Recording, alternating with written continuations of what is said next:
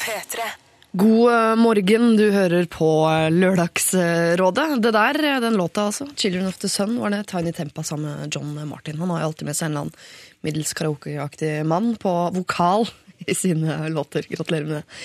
Eh, Jeg er eh, endelig frisk. Eh, Beklager. Vært borte i ja, to uker før det var en i Bergen og i det hele tatt. Det beklager jeg, men nå er jeg ganske frisk. Altså. I hvert fall sånn inni kroppen er jeg frisk.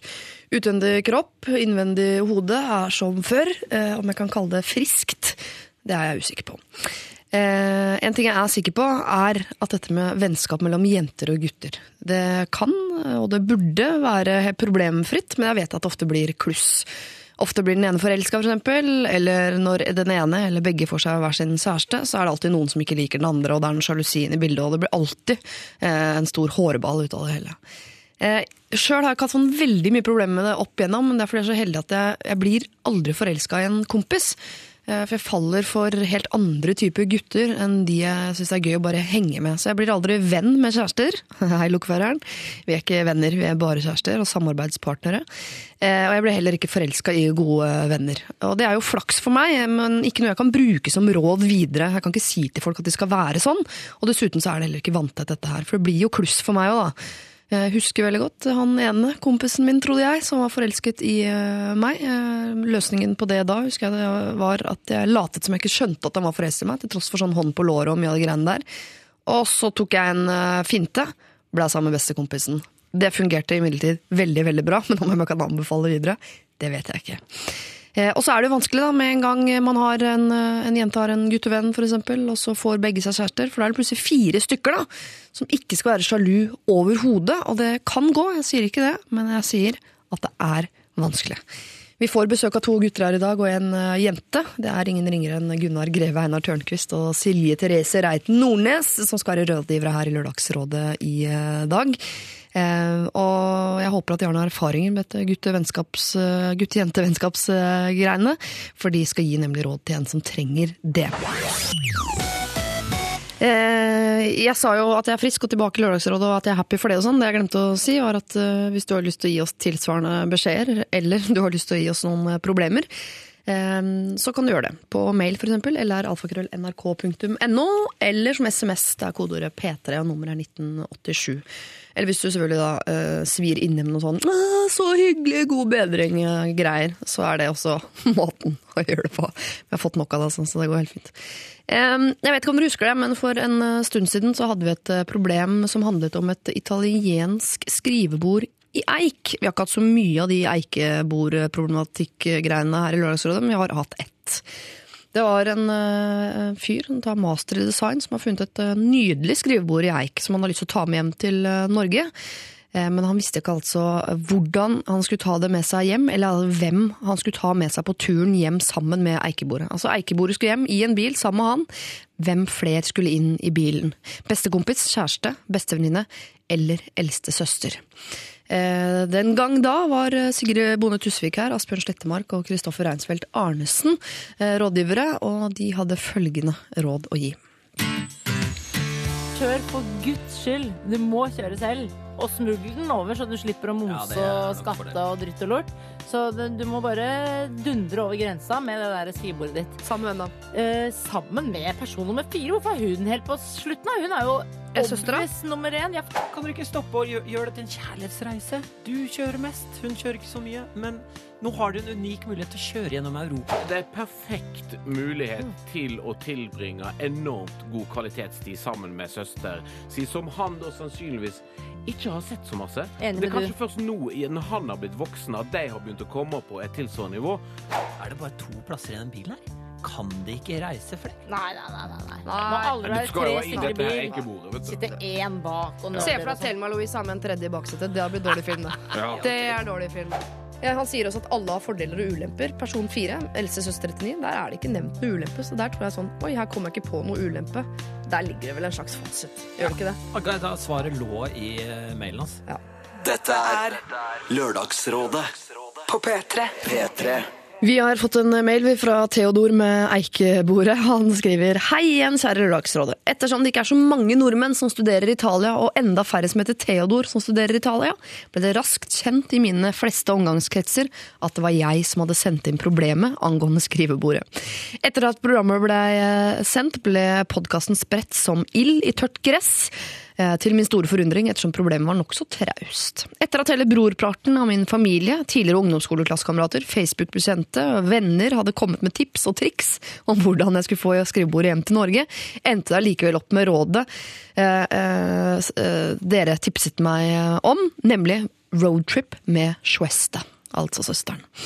Eh, Da hun hørte podkasten, ringte hun meg opp og sa 'Jeg kommer ned med bil til sommeren'. Hurra, det løste seg jo fint. Men så har det seg sånn at ting endres. Og særlig når man bor i land der ingenting fungerer som det skal. Så jeg blir her bare ett semester.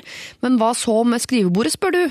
Jo, etter en kjapp telefon til et flyselskap som rimer på eh, Sorsigen, var det null stress eh, å sende skrivebordet som innsjekket bagasje, bare jeg pakket det godt nok inn. Så nå blir det jul i Norge med deilig skrivebord i eik. Keep up the good work. Masse ålreite hilsener fra Theodor. Du, Det var godt å høre at eikebordet er i hus til eh, jul, eh, og at du har fått eh, en snakkis med Schwesta og venner og Facebook-bekjente og i det hele tatt. God jul. God morgen til dagens rådgivere. Einar Tørnquist, du er syk. God morgen. Du ville ha sympati, så jeg bare la det inn tidlig i programmet. Tusen takk for sympatien, i hvert fall. Hvordan syk er du? Jeg har eh, senebetennelse i venstre skulder, og så har jeg bihulebetennelse og en skikkelig fæl forkjølelse. Så feminint. Kjeft, da. Gunnar Greve, frisk som en fisk. Frisk som er fisk, mest bekymret for at han sitter her, egentlig, i det hele tatt. Det Jeg synes det er lite solidarisk. Du burde ha sagt fra på forhånd, så man har Ja. muligheten til å bli hjemme. For du tar det jo med hjem eventuelt til kone og barn. ikke sant? Sant? Ja. Men blir du ikke sjuk av ungene, så er det veldig sjelden. Det er den veien det stort sett går. Ja. Men altså, jeg er sikker på at han besitter noen bakterier de barna aldri har vært borti. Det er den er senebetennelsen. Ja, Den kommer til å gå videre nå. Og god morgen til Silje Therese Reiten Nordnes. God- god morgen. Eh, Frisk. Eh, ja, eller jeg har jo krons, Crohns, altså kronisk betennelse i fordøyelsessystemet, og astma. Morbus ikke bli Er dette så noe du pleier å snakke om på radio? Unnskyld at jeg ikke hører på. Jeg hører ikke på dere hver dag. Jo, jeg gjør det, altså. Ja. Ikke noe offisiell talsmann for kronspasienter. Crohns-pasienter, men jo da, jeg kan snakke om det. Men er det er det, det det heter, eller er er det et sånn artig navn du har funnet på? Crohns? Nei, det er det det heter, ja. Crohns? Ja. Er det det som er morbus Crohns? ja. Ja. ja, ja, ja, ja. Har du det dine, Eh. Nei, jeg har det ikke. Jeg har bare lest om det med stor, stort eh, Tenkte vi skulle bli en slags eh, gjeng her nå. Men hva betyr det at du kanskje en dag får utlagt tarm, eller? Nei, det betyr bare at jeg får ganske masse medisin og holder i sjakk. Så det går bra. Ja. Ja. Jeg skal ikke grave altfor mye i det, Dere ble at, så eh, seriøse. Det var ikke meninga å dra det ned. Kroniske lidelser, vet du, det er alvorlige ting. Ja, og så blir man så er overraska. preget på en lørdagsmorgen. Jeg bare spiller. Jeg er ikke interessert, egentlig. Men eh, jeg skulle egentlig snakke med dere om julestria, men nå er vi opp til, eh, det snakker vi bare om sjukdom. Det er jo ikke noe hyggelig, egentlig. Men eh, dere kan velge. Skal vi snakke litt til om sykdom, eller skal vi gå over på sånn julestriprat? Julestri. Julestri, Okay. Julestri. Hvem hånda er den som mener at den er mest julestri om dagen? Men hva, hva legger du i definisjonen? Altså, hvem er mest stressa? Hvem holder på? Kan du slutte med Jeg klarer ikke å bake pepperkakehus, OK? Jeg får så vondt i skulderen. Men det blir jo, jeg mener at det er litt sånn selvvalgt hvis man lar det bli helt eh, kaos, Ja. egentlig. Fordi um, jeg koser meg. Har dempa belysning hjemme, har på adventsstjerne. eh, Men da skal du sikkert bort til jula. Du skal ikke hoste julaften Nei. med 13 rundt bordet. eh, det skal min mor, men jeg snakka med henne på telefonen her eh, nylig, og da sa hun sånn at hun stresser bare mindre og mindre for hvert, år som går. Og maten blir dertil Eh, vondere og vondere òg, eller? Nei, maten blir bare bedre og bedre, men hun eh, lager mindre og mindre av den. Ja. Fordi eh, nå har vi slutta å lage mat som ikke blir spist. Å ja. Det er jo godt, eh, god start. Det er et kjempegodt Altså masse småkaker og sånn Men hvordan klarer man det, da? For det er å beregne hvor mye Er det sånn at du lager heller litt for lite, da? Sånn at folk er litt sultne? og så- Nei, men jeg tror det er heller er viktig å, å finne ut sånn hva, Hvilken kake er det egentlig dere, folkens, liker? Og da er det sånn fattigmann og serinakake og sånn. Da, de har gått ut av produksjon. Men er det noen av julekakene som er, er det noen her som mener at julekaker er godt? Noen av de? Av de syv slaga? Altså, pepperkake syns jeg er godt, altså. Er det Når det er drukna i melis og Nonstop hos Heimen, så er det greit. Men det er jo helt unødvendig som kake som sådan. Det er jo bare en skorpe. En liten kjeks. Ja, det er jo det der.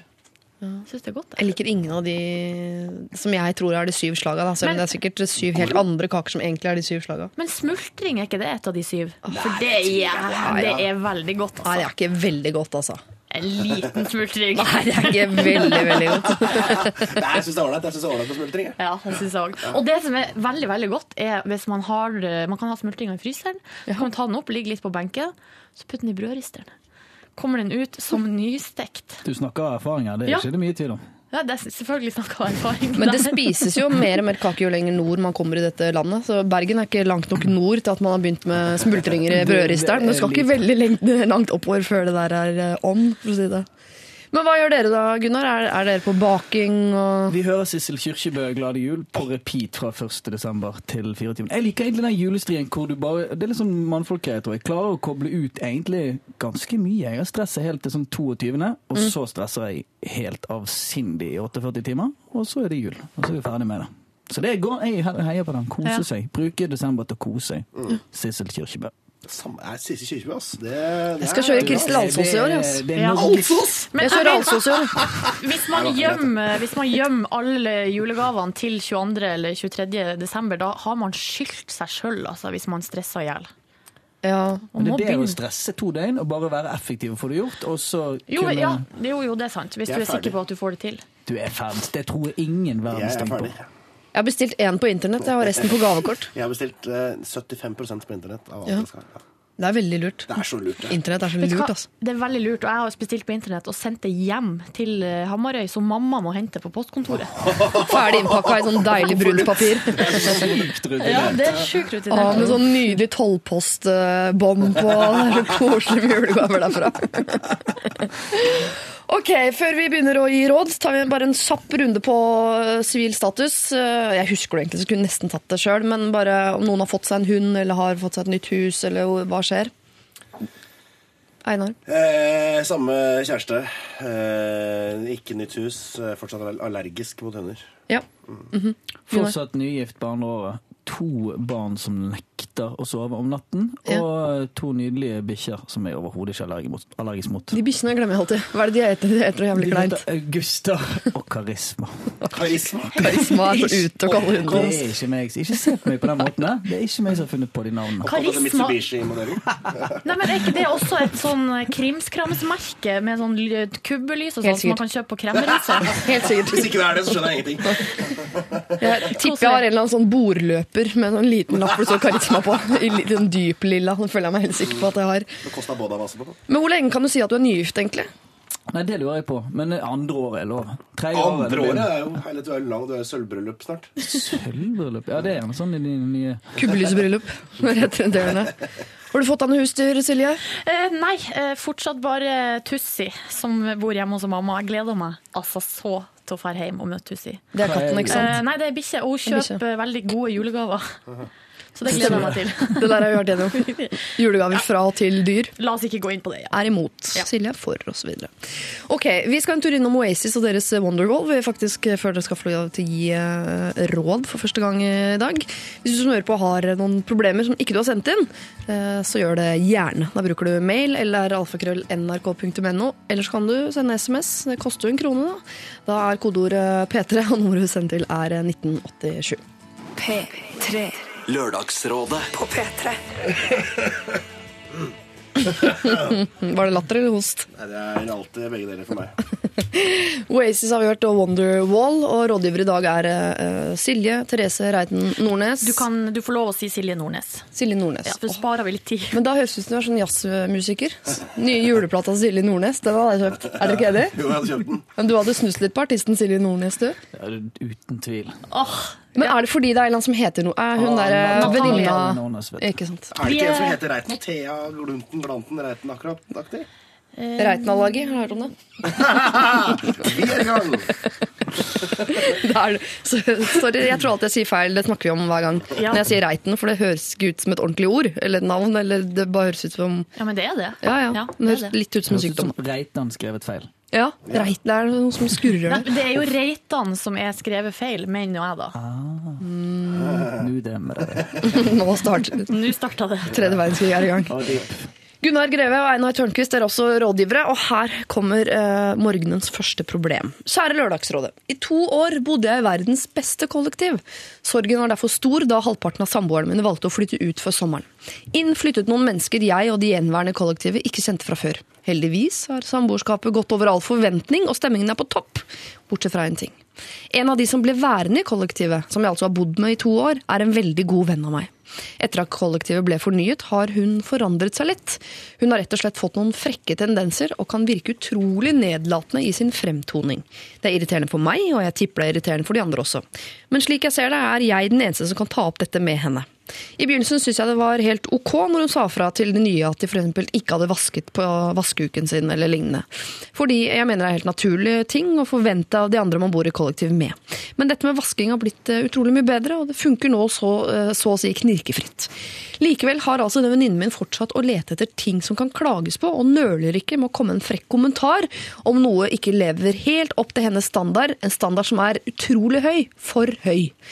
Jeg har klikket veldig bra med de nye samboerne våre, og ønsker ikke at de skal tro at jeg tenker de samme tingene som venninnen min, men jeg ønsker heller ikke å såre venninnen min ved å markere avstand fra henne. Så hva gjør jeg? Sier jeg fra? I så fall hvordan?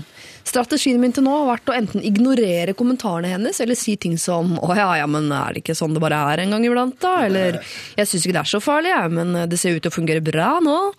Takk på forhånd, dere er supre. PS, det kan jo være verdt å nevne at eh, venninnen min ikke har klikket like bra med det nye som meg, men det er kanskje ikke så rart med tanke på hvordan den oppfører seg. Ok, Så der, du. ja. Jeg syns hun har oppført seg helt riktig til nå, i hvert fall. For det er akkurat den strategien jeg eh, altså, Riktig og riktig, det er i hvert fall det jeg hadde gjort. Å snike seg rundt med sånn Ja, men er det ikke bare sånn det er, da? Eh? Ja, Det går jo tydeligvis ikke lenge til det, da. Nei, fordi det, nå har jeg holdt på med det lenge, da, og hun fortsetter å være sur mot noe. Altså, det er jo, her er det helt tydelig liksom en kløft med hun sure, de nye, og så er det en som står midt i, og ikke annet man skal gjøre. Kanskje hun burde spørre hun eh, Sure hva er det som plager deg? Kanskje det er noe annet? Hvis dere skjønner hva jeg mener. At hun er usikker eller utrygg, eller at hun syns at det er et eller annet liksom gjør at hun bare kommet litt ut av eh, balanse. Jeg tror det. For det, det er litt sånn, vi har forskjellige måter å takle det å få nye mennesker. Du bor jo sammen med disse menneskene. Sant? Det er jo liksom en, en omveltende hendelse. Det, man skal bo tett på noen. Og, og så har folk forskjellige måter å reagere på og håndtere det og på en måte ta nye mennesker inn i. Dette er sånn symptom på en bergensk oppfinnelse som heter markeringsbehov. Men hvorfor er det sånn når folk har markeringsbehov, at markeringsbehovet alltid slår ut i at man oppfører seg som en, som en dritt? Det er aldri noen som har et sånn positivt markeringsbehov. Sånn, se så mye hyggeligere jeg er enn alle andre. Man blir alltid litt sånn idiot synes jeg, når man er, har det der behovet der. Jeg tror bare det er fordi det er de idiotene vi legger merke til. For jeg synes det høres ut som hun har jo på en måte litt sånn et omvendt, eller annerledes markeringsbehov. For hun er opptatt av at de skal like henne, høres det ut som, og være hyggelig og være en omgjengelig, trivelig Ja, person med normal folkeskikk. Så det er jo på et Ja, innsender, vis en slags Er innsender. en gutt eller en jente? Det er jente, ass. Det er veldig gutt i begynnelsen av mailen, skjønner du. Og så blir det jente etter hvert. Så jeg, der er jeg usikker, og muligens også innsender. Ja, det er okay. solklart en uh, transperson. Ja. Ok, men Det trenger jo ikke å ha så mye å si, da. Men um, nei. Men skal jo ta det opp. Skal jo ta det opp. Ja. Må jo det. Men jeg syns Silje er innpå noe når hun sier at det her er det et eller annet som plager den jenta. Fordi eh, jeg syns det er noe i eh, PS-en som kommer på slutten her, at hun kommer ikke så godt overens med de nye. Ergo det kan hende at hun ikke liker de, men det kan vel også godt hende at de ikke liker henne. Og man blir sur av å bo sammen med noen som ikke liker deg over tid. Vet du hva, Da sitter de, og så slår de to gamle venninnene Så setter de ei flaske på bordet, og så skrevler de gjennom dette her med disse nye, nye Liker vi de nye eller ikke? Da Ja. vil antageligvis hun, eh, hvis det er det, da, altså hun ikke liker det nye Skal man ha noe ost og kjeks også, kanskje? Ost og kjeks er for jenter, ja. Kubbelys. Ja, kubbelys, Vaniljesent. badesalt. Ja. Eh, Skal de bade sammen ja, plutselig? Jeg så for meg det med jenter. Ja. Det ble veldig vanskelig for meg. Ja, for det er det vi driver med. Stemmer det. Jeg glemmer det alltid. Men eh, de må jo snakke seg gjennom det, da. Hun vil jo røpe seg hvis hun ikke liker de to nye, etter et par eh, Flaming Lamborghinis på kjøkkenet. Ja. Vet, du hva, vet du hva det første jeg tenkte var? Det var, åh, jeg er glad jeg ikke bor i det kollektivet. og det er litt som betegnende for situasjonen, for det høres jo ut som det er liksom Mye, mye latente potensielle konflikter og drama. Og da er det siste de trenger en taletrengt bergenser. Er det mulig at de her guttene, for eksempel, at de på en måte ikke bryr seg? Altså det er sånn, ja ja, det er ei litt sånn uh, kjeftesmelle her, men det, det, at, de liksom, at det er bare innsender som har et problem med det. For det er jo et eller annet med at hvis det har vært sånn megagod stemning, og alle bare har strøket hverandre med hårene i kollektivet før, så vil det kanskje bli sånn hvis det er Altså, det er jo vanlig med litt gniss når man bor sammen Ja. på en måte. Og kanskje ikke det er så farlig med litt uh, smelling og litt uh, frekkheter. Og denne bekymringen innsender har det er Så kjedelig når ikke dere gidder å si hva dere heter. ass. Innsender er så døvt navn. Men um, når innsender da uh, føler at det står i denne kløfta og må please liksom de nye, men må please den gamle venninna og alt mulig sånn, tror vi dette er, Og dette er veldig Det er her innsender blir veldig jente. Uh, tror vi at de nyinnflytta tenker sånn å ja, altså du syns også vi burde vaske i vaskeuka, akkurat sånn som hun sure sier. Da er vel du også egentlig sur, da. Vi trodde vi likte deg, for du er jo egentlig kul, men da betyr det at du ikke er det, da. Nei, da liker vi ikke deg heller. Er det, så, fungerer det sånn? Nei. Nei. det er ikke noe automatikk i det, altså. Må han, velge, må, må han hun Må innsender velge parti her, eller kan Nei. Jeg tror og syns at hun skal ta en prat med, med den sure venninnen først. Ja. Og bare spørre litt. Hva er det, hvorfor er du sur? Hva er det som ligger inni der og gnager? Og hvis hun da er på en måte, For det kan godt være at hun ikke har lagt merke til det sjøl. At dette er en eller annen eh, mekanisme som ligger nesten underbevisst i henne. Fordi Ja. at det kommer nye mennesker inn på deres territorium. Men syns du også at de skal bade sammen? Det Det spørs. Vi får se hvordan stemninga blir, liksom. Hva, hvem tar skade av det? Det, det, kan være det, det, det som er hele løsningen, sier jeg. Og så, og så føler jeg når det er gjort, så kanskje man kan ta et fellesmøte med litt sånn OK, hvordan vil vi ha det her? Felles bad, mener du? Ja, felles bad. Hvor ofte skal det ryddes? Eh, altså sånn at på en måte eh, Hvem tørker hvem på ryggen? Ja, eh, men litt sånn at eh, man har et felles premiss om den ryddinga og vaskinga og ting man Sånn at alt er liksom sagt. Ja. Så, eh, og så kan de Så slipper hun eh, gamle, sure jenta å gå rundt og liksom føle at hun må passe på eller si fra hele tida. For det kan jo være at den gamle sure jenta også har blitt bitt av det syndromet som noen blir bitt av etter hvert, eh, som heter Megge-syndromet. Som gjør at man bare gradvis blir surere og surere og surere gjennom livet. Ja, men da må noen si fra. Kollektiv exit. ja. Men da burde innsender ta grep og stoppe den utviklinga. Si sånn hei, hei, hei, stopp en hal, du er i ferd med å bli sur bitch. Oi. Ja. Kanskje ikke sånn, da. Nei. Etter, etter man har bada, kan man på sånn køddete måte si sånn he-he. Si mens man bader, vet du. Ja. sier mens man bader, for det er bra sted å slåss. Det er vanskelig å bli sur på hverandre i badekar. Ja, det er vanskelig, altså. Masse skum og Ok, jeg syns jeg, jeg hører absolutt et badekar her. Det må sies. Så hvis dere har det, så ta det i bruk. Jeg vet ikke, Det er ikke så mange kollektiv som har badekar. Eller steamdusj. Eller steamdusj. Men jeg syns også jeg hører at det, det er fint om du eh, prater litt med venninnen din, for vi veit jo ikke hvorfor hun er sur. Om hun har blitt uh, bitt av Megge-syndromet, eller om hun er lei seg for noe. Kanskje hun ikke eh, er så fornøyd fordi hun merker at du er bedre likt enn henne osv. Så videre. så det er fint å finne ut av hvorfor hun er eh, misfornøyd, så kanskje hun kan bli litt mer fornøyd eh, på sikt. Så det, en, det må en samtale til her. Om det er over ost og kjeks, eller om det er et badekar. Der skal ikke jeg legge noen eh, føringer, men samtalen må altså finne sted. Jeg nekter å avbryte Lars Vaular. Legender var det vi hørte der. Eh, Jeg aner jo at vi er opptil ja, kanskje fem mennesker her inne nå som er veldig glad i Lars Vaular. Jeg trodde du skulle si at det var fem legender. jeg. Ja, det er vi også, selvfølgelig. selvfølgelig. Em, vi skal eh, fra Lars Vaular og over til en eh, gutt som vi har valgt å kalle for en humorlei gutt. Det høres jo unektelig nitrist eh, ut, men vi får nå se. Silje Nordnes, Gunnar Greve og Einar Tørnquist, hør på dette. Hei, jeg ble nylig med i styret i en frivillig organisasjon. Kassereren er en mann på ca. 60 år. Vi andre i styret får ofte mail av han som gjelder styresaker, og det er selvfølgelig greit. Men han sender også humormail. Morsomme hester, søte katter, sånn som hører hjemme på Facebook. Jeg vet han har konto der også. Jeg får ca. 10-15 andre mail om dagen og er flink til å sile ut de jeg ikke trenger, men jeg trenger jo mange av de han sender, bare ikke de humorgreiene. Etter 7-8 sånne mail på et par uker ba jeg han ta meg bort fra denne maillista der han sendte humorting. Da ble det faktisk stille. Men han var også ganske muggen mot, deg, mot meg hver gang vi var på styremøte. Men nå har vi vært på seminar sammen, tatt noen øl på kveldstid og prata om løst og fast, men ikke dette, da.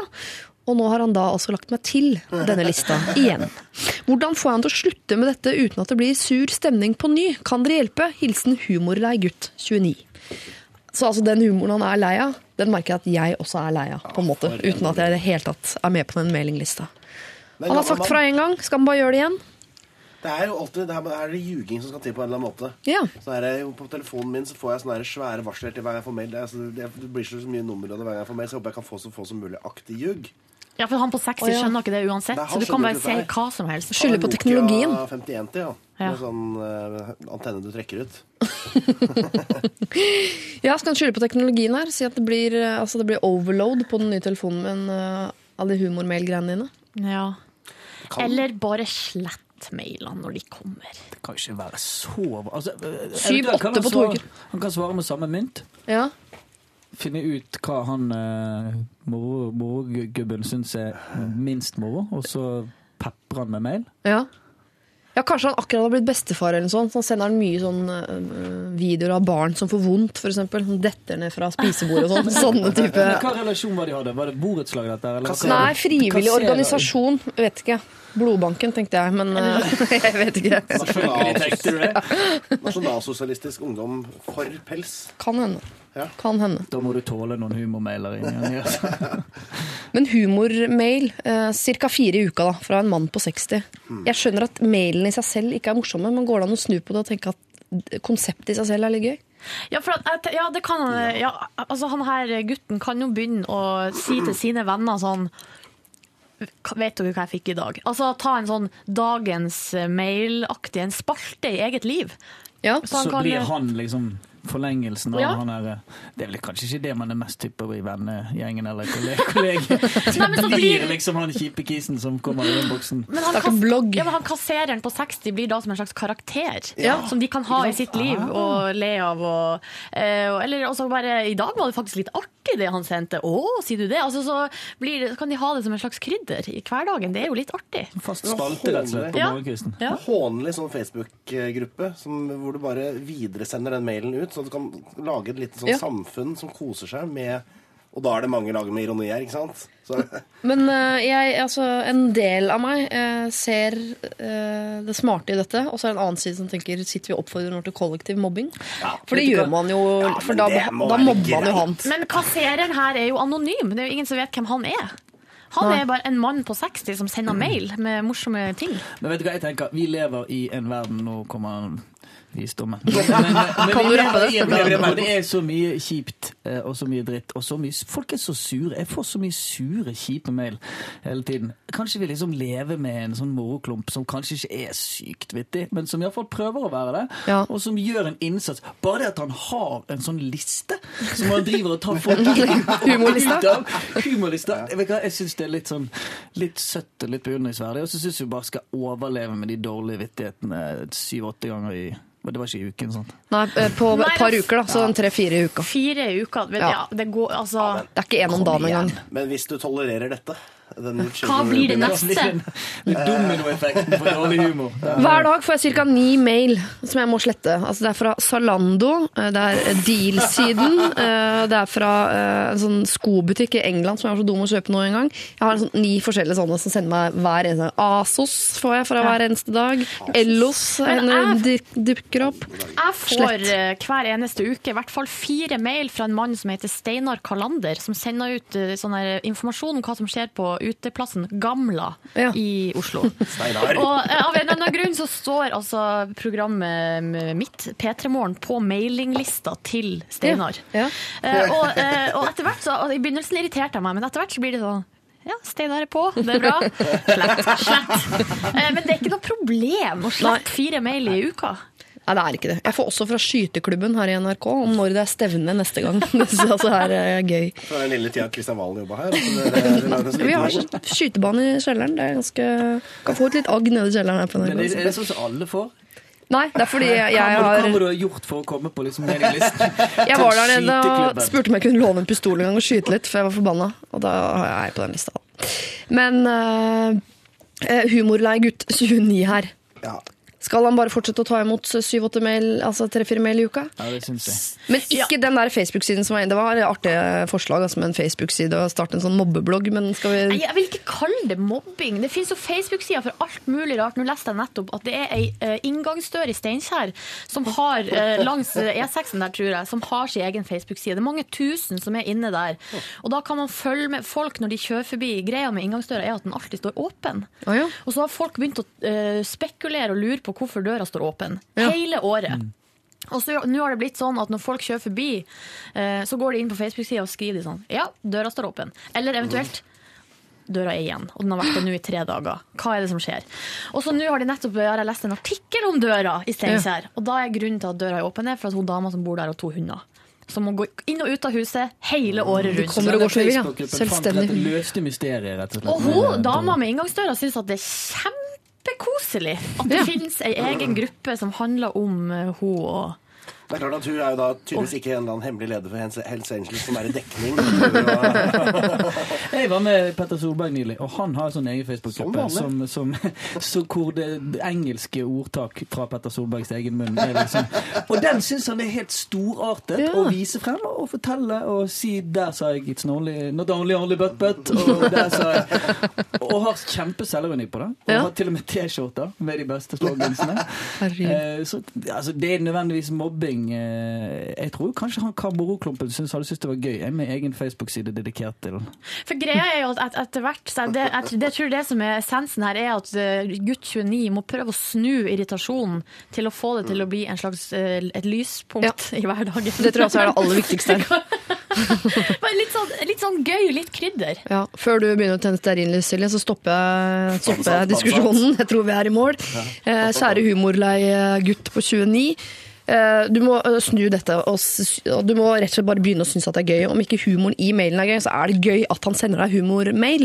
Og så kan du godt starte en Facebook-gruppe hvis intensjonen er god, at ikke det er uh, nettmobbing, for det er vi imot. Sjekk med han først, kanskje. Ja, spør om han har noe ironi på det i det hele tatt. Du har jo vært og tatt en øl med han, du må, må jo ha skjønt typen. Og så har jeg et eget lite råd på slutten her også, for du har sikkert en mor eller en tante eller et eller annet som er sånn ca. 60 år, videresendt til henne.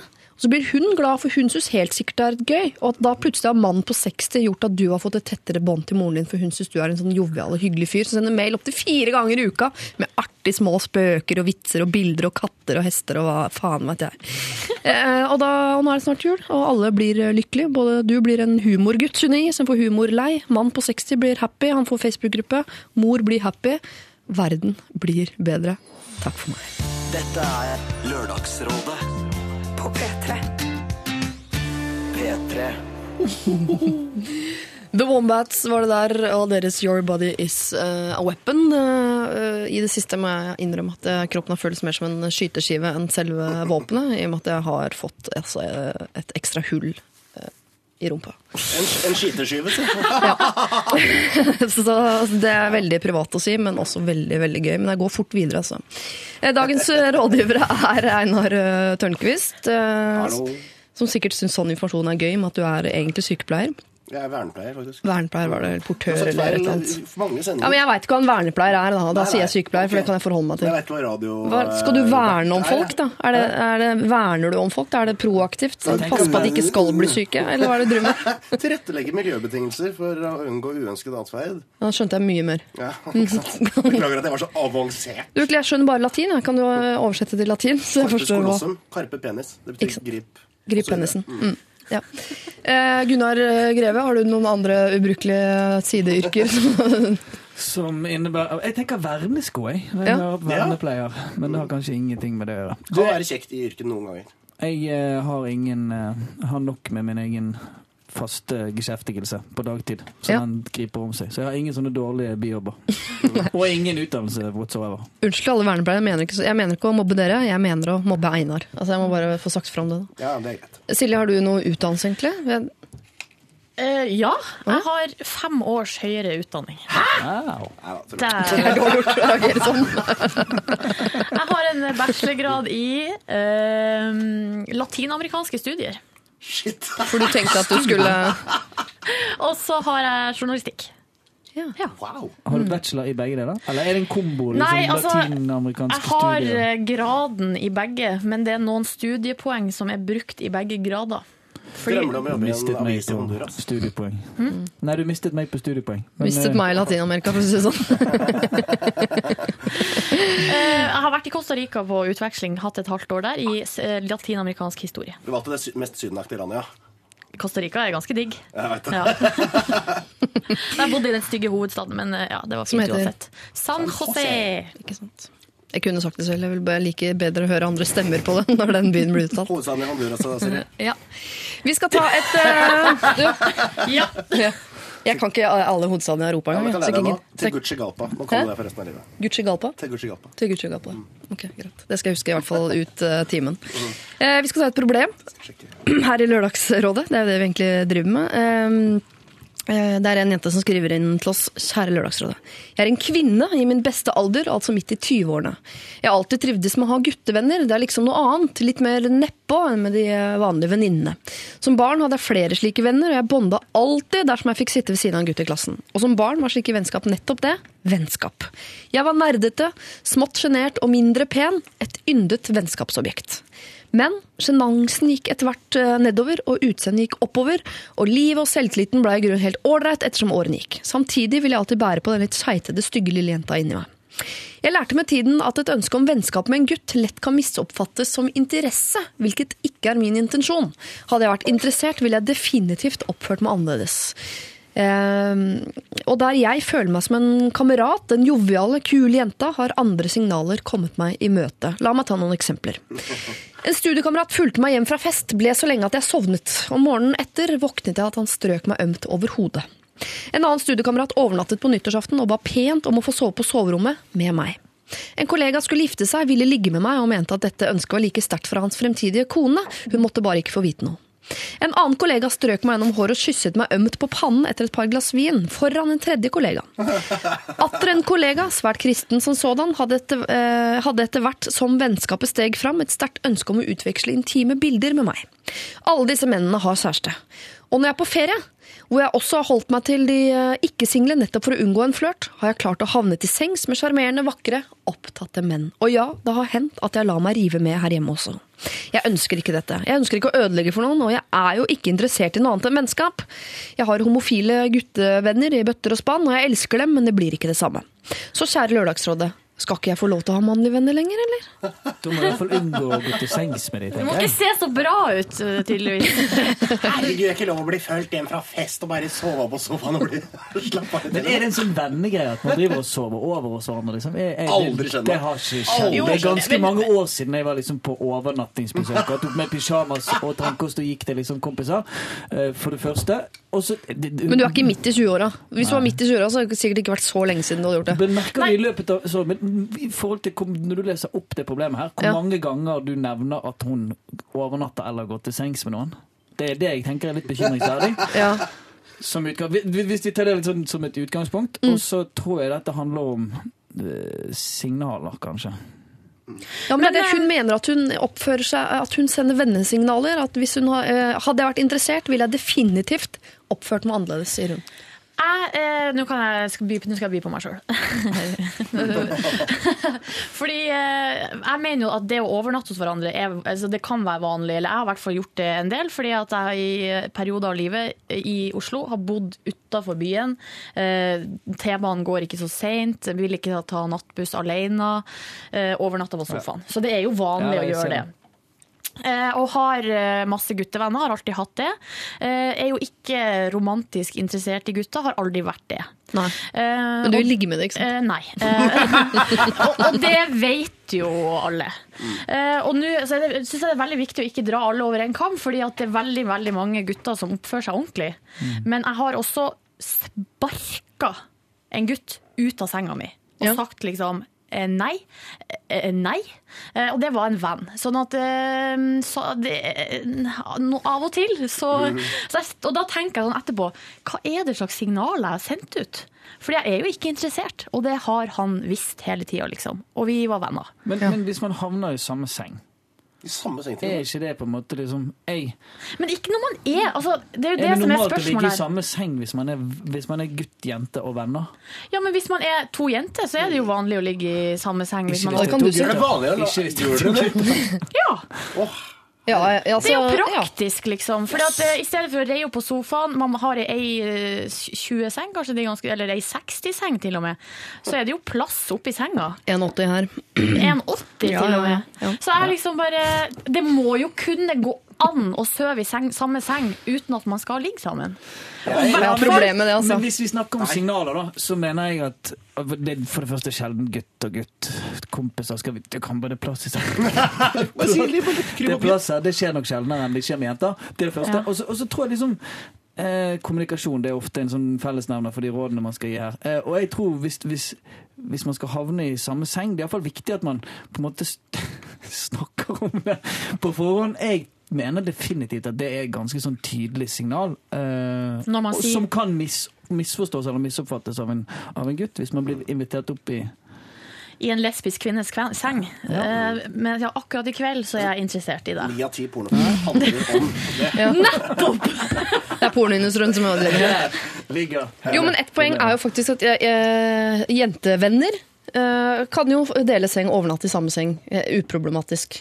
Og jeg må jo si at hvis jeg deler seng med ei venninne, eh, så er det jo ikke sånn at jeg begynner å At jeg tenker automatisk men akkurat i kveld så er hun interessert i meg. Jeg begynner å stryke henne sakte over ryggen, og så skal vi få på en action her. Selv om jeg vet at hun ikke er interessert i jenter. Nei, men du er jente, jeg tror altså, For det første er gutter litt mer innbilske enn jenter ofte. Og hvis man, vil, eh, hvis man vil ha signaler på at her er det rom for action, så finner man de signalene uansett om de sendes eller ikke. Sånn er det jo virkelig. Altså, det bor jo Altså, jenter i Norge på 11 år som tror at Justin er forelsket i dem. Altså, hvis man vil ha et signal på at man er likt, så finner man det signalet. Og det tror jeg disse kompisene til denne jenta her eh, gjør, da. Og jeg er helt enig i at kanskje hun ikke skal drive og dele seng med de hele tiden. Og i hvert fall når vi vet at hun er såpass grei å få ut på glattisen i og med at, hun, at det har hendt at hun lar seg rive med både i Syden og her hjemme. Da er det jo det, da er det løpet kjørt. Ja, da vet man jo at her, det er, her er det muligheter. Jeg tror liksom, og det er kanskje en liten brannfakkel, men jeg, jeg mener at jeg tror menn oftere enn eh, kvinner, når de oppsøker kontakt eller relasjon med det andre kjønn, gjør det med en agenda.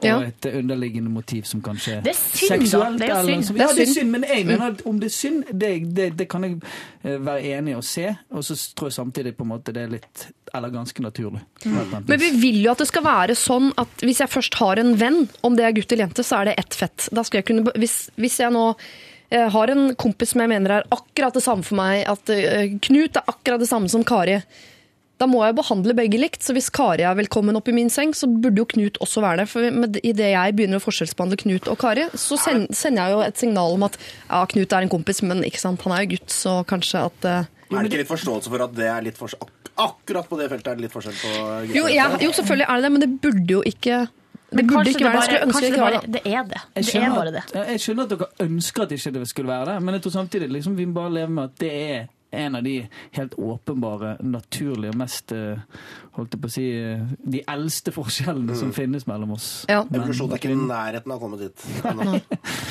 Ja. Men også, jeg må bare også si uh, unnskyld til deg uh, igjen, innsender av navn. Hei, hei! Hei, hei, innsender. Hun sier at jeg sender jo ikke signaler på at jeg er interessert. Men vi er vel fire stykker her nå som til og med i denne mailen syns vi leser noen signaler på at hun er litt mer interessert enn hun skal ha det til. Fordi hun lar seg rive med både i Syden og hjemme. Jeg liker at du sier at det er i Syden også, ikke det er et veldig norsk problem, men at også liksom de signalene fungerer problem. på fransk og tyrkisk og, og ikke sant? Jeg vet ikke hvor du pleier å dra på ferie. Men det er også setningen her som ingen har hengt seg opp i eh, ennå, men som jeg skal lese på nytt.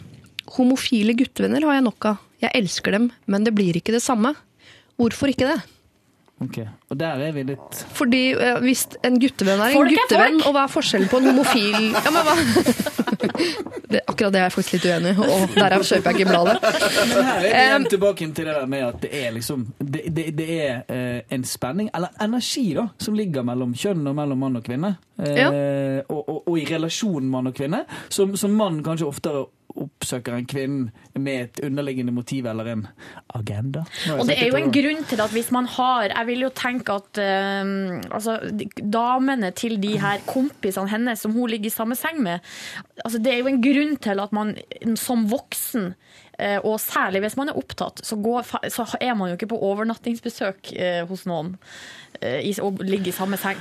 Nei. Det er litt Men jeg rart. tror det kan handle også om at, Og dette kan være at det skjer hos henne ubevisst, men at hun gjennom det å få en bekreftelse, en interesse fra en mann, fra mennene, med guttevennene rundt henne, som, som gir henne oppmerksomhet, gir henne eh, positive kanskje komplimenter, kanskje en eller annen bekreftelse på at hun eh, Det kan være hennes måte å søke eller få bekreftelse på noe som hun trenger, uten at hun er seksuelt eh, har en, noe seksuell motivasjon i, i, i venner eller i relasjon til vennene sine, men hun, for henne er det noe på en måte hun bruker som en bekreftelse på at hun er bra nok. Eller at hun, Ja, ja, ja. I hvert fall som fortsatt går rundt med den seitete jenta inni seg. Den seitete, stygge jenta bærer hun mm. inni seg. Det er hun som driver og ligger med folk, antageligvis. Tror jeg, mentalt. Men så skal man jo vite også at hvis man tar med seg en gutt opp i senga, og intensjonen er ikke å ligge sammen Ting skjer, altså. Hallo. Ja, det er et eller annet Altså, som skjer med en gang man ligger i vater. Når gutter ligger alene i senga, så skjer det ting. Jeg har hørt rykter om det greiene der. Det er grisete, ass. Hvis du bare, hvis ikke mange gram med kvinnfolk som skal opp i en seng før det. Hun trenger ikke å være fysisk til stede i rommet, hun trenger bare å være på eh, skjermen foran. Nei, altså, å nei, nei. Jeg ikke det Jeg langt ifra. Du trenger ikke gjøre det så komplisert. Lukk øynene, alt skal til. Men jeg tror jeg, jeg, tror jeg sånn oppsummeringsmessig vil si at uh, du antageligvis sender noen andre signaler enn du er klar over. Og i det at det, alle disse vennene du skaffer deg, kompisen du skaffer deg, er uh, gutter som er i forhold, så er du også en veldig uh, lett utvei for de å ligge med, for de vet at du ikke er ute etter et forhold, og det er heller ikke de, for det har de. De trenger bare en å ligge med. Ergo deg. Så kanskje du skal få deg noen kompiser som ikke har dame, og prøve å skape et vennskap på den plattformen. Og da har jeg ett triks som jeg har lært en gang av en fyr som var forelsket i meg, og jeg, som jeg ikke var forelsket i. Og da ga han meg noen råd om hvordan, vi ikke, hvordan han skulle slutte å være forelsket i meg. Eh, Det er selvfølgelig å vrenge rumpehullet sitt, for da mister man en del Nei, jeg bare tuller. Så, se hva som skjedde med ansiktet der. Nei, det er å fortelle masse hemmeligheter. Altså, Du må virkelig vrenge sjela di, fortelle masse hemmeligheter om deg selv og snakke mye om andre gutter. og sånn, For da begynner nemlig gutter å se på deg som en venn, og ikke som en potensiell kjæreste. Men slutt for all del å ta med deg disse vennene dine opp i senga, for ting skjer når man ligger i en seng. Det kan alle skrive under på. Å ja. Oh, ja, ja, ja. Jeg skal få passe på alle leger. Jeg skal aldri overnatte hos deg, heller, men har vel ikke noe alternativ uansett. Dette her har jeg Kite Coastere med Since Last Wednesday. Har så markeringsbehov på den sykdommen sin, altså. P3 Gull-vinnerne var det vi hørte der. With Me heter låta, og altså da Cashmere Cats, som er eh, gjengen bak. Det, det er en fyr. Det er en dude. Er det én? Det er en, li, det er en liten Ja, det er han!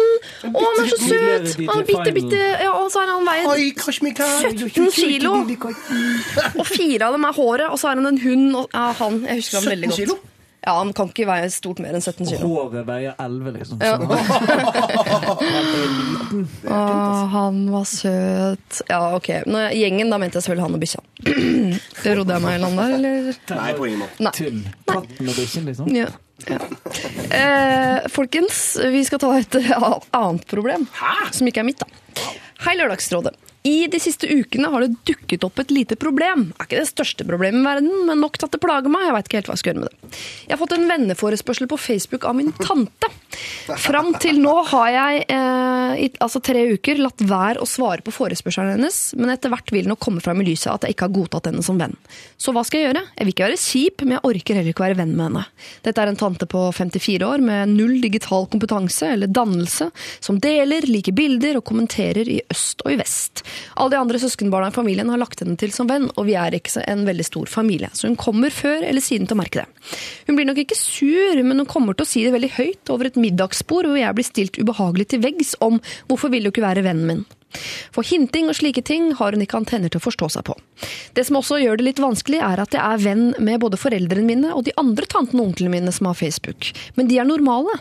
Jeg har ingenting å skjule, eller noe, for jeg legger lite ut på Facebook i det hele tatt, men bare tanken på å måtte diskutere ting med henne som er galt med meg, gjør meg irritert og oppgitt.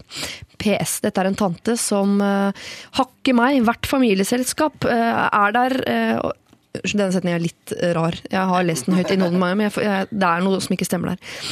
Men altså på hvert eneste familieselskap de er på sammen, så eh, driver hun tanten og hakker på henne fordi hun ikke liker eh, kaffe. Og det gjør lillesøsteren. Eh, og da er jeg følger henne ikke voksen nok. I disse selskapene har det vært flere enn meg som ikke drikker kaffe, eh, og til og med folk som er eldre enn meg. Men det er alltid jeg som får høre det. Skjønner? Denne diskusjonen ble omsider ferdig eh, for en stund siden, men det tok to år før hun skjønte at jeg virkelig faktisk ikke liker kaffe. Så ja, derfor er jeg ikke så gira på nye slike diskusjoner. Så da blir spørsmålene må jeg være venn med henne? Hvis ikke, hva sier jeg når hun oppdager det? Er jeg kjip som ikke vil være venn med henne? Må jeg godta å være venn med den teite tanta mi når jeg er 23 år og i grunnen voksen nok til å tåle hennes kritikk og diskusjoner egentlig? Er jeg barnslig som ikke vil? Jeg blir nok sett på som barnslig om jeg ikke legger henne til, altså. De søskenbarna på 14 og 16 har nemlig godtatt henne. Så da blir jeg den teite, da, som skaper meg og gjør meg vanskelig. Hva skal jeg gjøre? Hilsen ivrig podkastlytter med unormalt teit tante.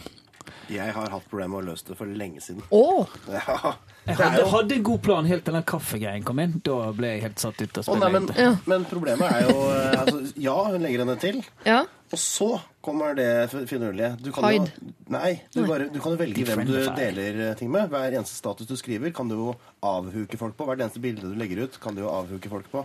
Men ikke det litt slitsomt å sitte og Nei, drive nei, og ikke du har sånn egen Du driver med det, du, Ja, og da er det sånn at eh, for eksempel hvis, da, hvis det er si da én person Mm. jeg ikke vil at skal uh, få inn kloa i et bilde jeg legger ut, Hvem er det? Det kan være mange, det. Eh, men, Det er én person. Nei, det, kan, Hvem er det? Det, er, det er folk i familien som er litt høyere opp i aldersgruppen. Okay. Eh, og da må alle i den generasjonen må da ut. Sånn at ikke Å, ja. av dem har sett det.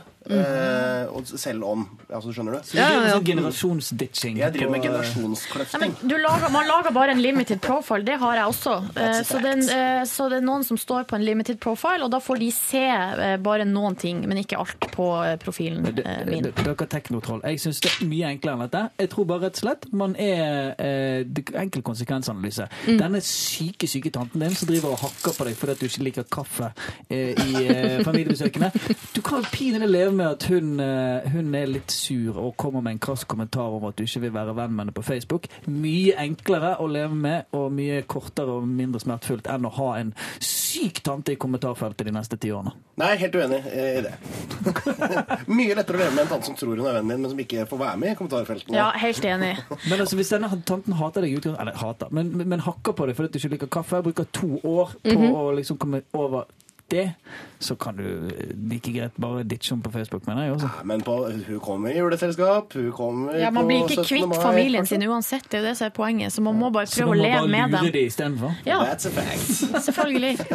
Men i gamle dager, før, uh, før de løste dette med at man kan drive og huke og ha limited og sånn, sånn altså i den spede begynnelsen av Facebook, uh, så var jo løsningen også at man la til en venn og så slettet etterpå, for man fikk aldri beskjed om at man var slettet, man fikk bare beskjed om at man var lagt til. Men det var jo helt til det, eh, man kunne finne Det kom noen sånne eh, applikasjoner eller aktig der du kunne finne ut hvem som hadde sletta det. Men tror vi tante, eh, tante Tutta Nei. veit ikke hva en applikasjon er? Hun har ikke det. Hun. Men det, det, jeg tviler på at tante Tutta har eh, 500 eh, venner på Facebook. Hun har kanskje 70. Ja. Da blir det veldig transparent. Ja. Den feeden er liksom ganske begrenset. Men hva med å eh, bare la være eh, å svare da, på denne forespørselen? forespørselen og hvis denne middagen Det er ikke så lett å Ikke mobb. Jeg syns det er lett, det er bare det. Hvis denne eh, middagen finner sted hvor hun stiller dette ubehagelige spørsmålet Hvorfor vil du ikke være vennen min på Facebook med mange til stede, og være like ubehagelig tilbake? Altså sånn eh, Fordi du er kjip kjerring. Ja, nei, jeg har ikke lyst til å være venn med deg på Facebook, og sånn er det. Jeg trodde du hadde tatt uh, hintet, men når du først har det oppe her ved bordet, så og da, blir jo, da snur situasjonen. Da er det kjipt for henne. Da stiller hun ikke det spørsmålet en gang til. Det jeg vet hva jeg skal si. Det holder med kommentarene dine her i disse familiebesøkene. Ja, noe sånt. Boom! Den satt. Og det er noen sånne folk det er i hvert fall min opplevelse og erfaring, at de, de enten så kicker de på det og syns det er litt digg å få litt sånn samme, litt sånn Zalo-greie.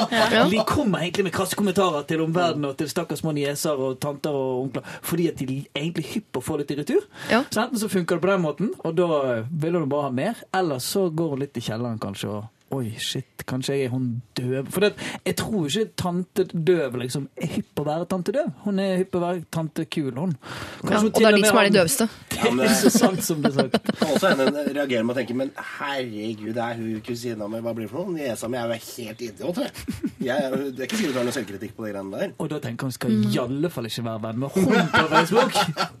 Nei, Ja, for Det er alltid noen rare sånn pleasing-greier i sånne situasjoner som dette her. fordi eh, Hun ønsker jo ikke å være venn med tanten sin, men likevel så driver hun og suller og syr puter og duller og holder på for at de ikke skal være uvenner.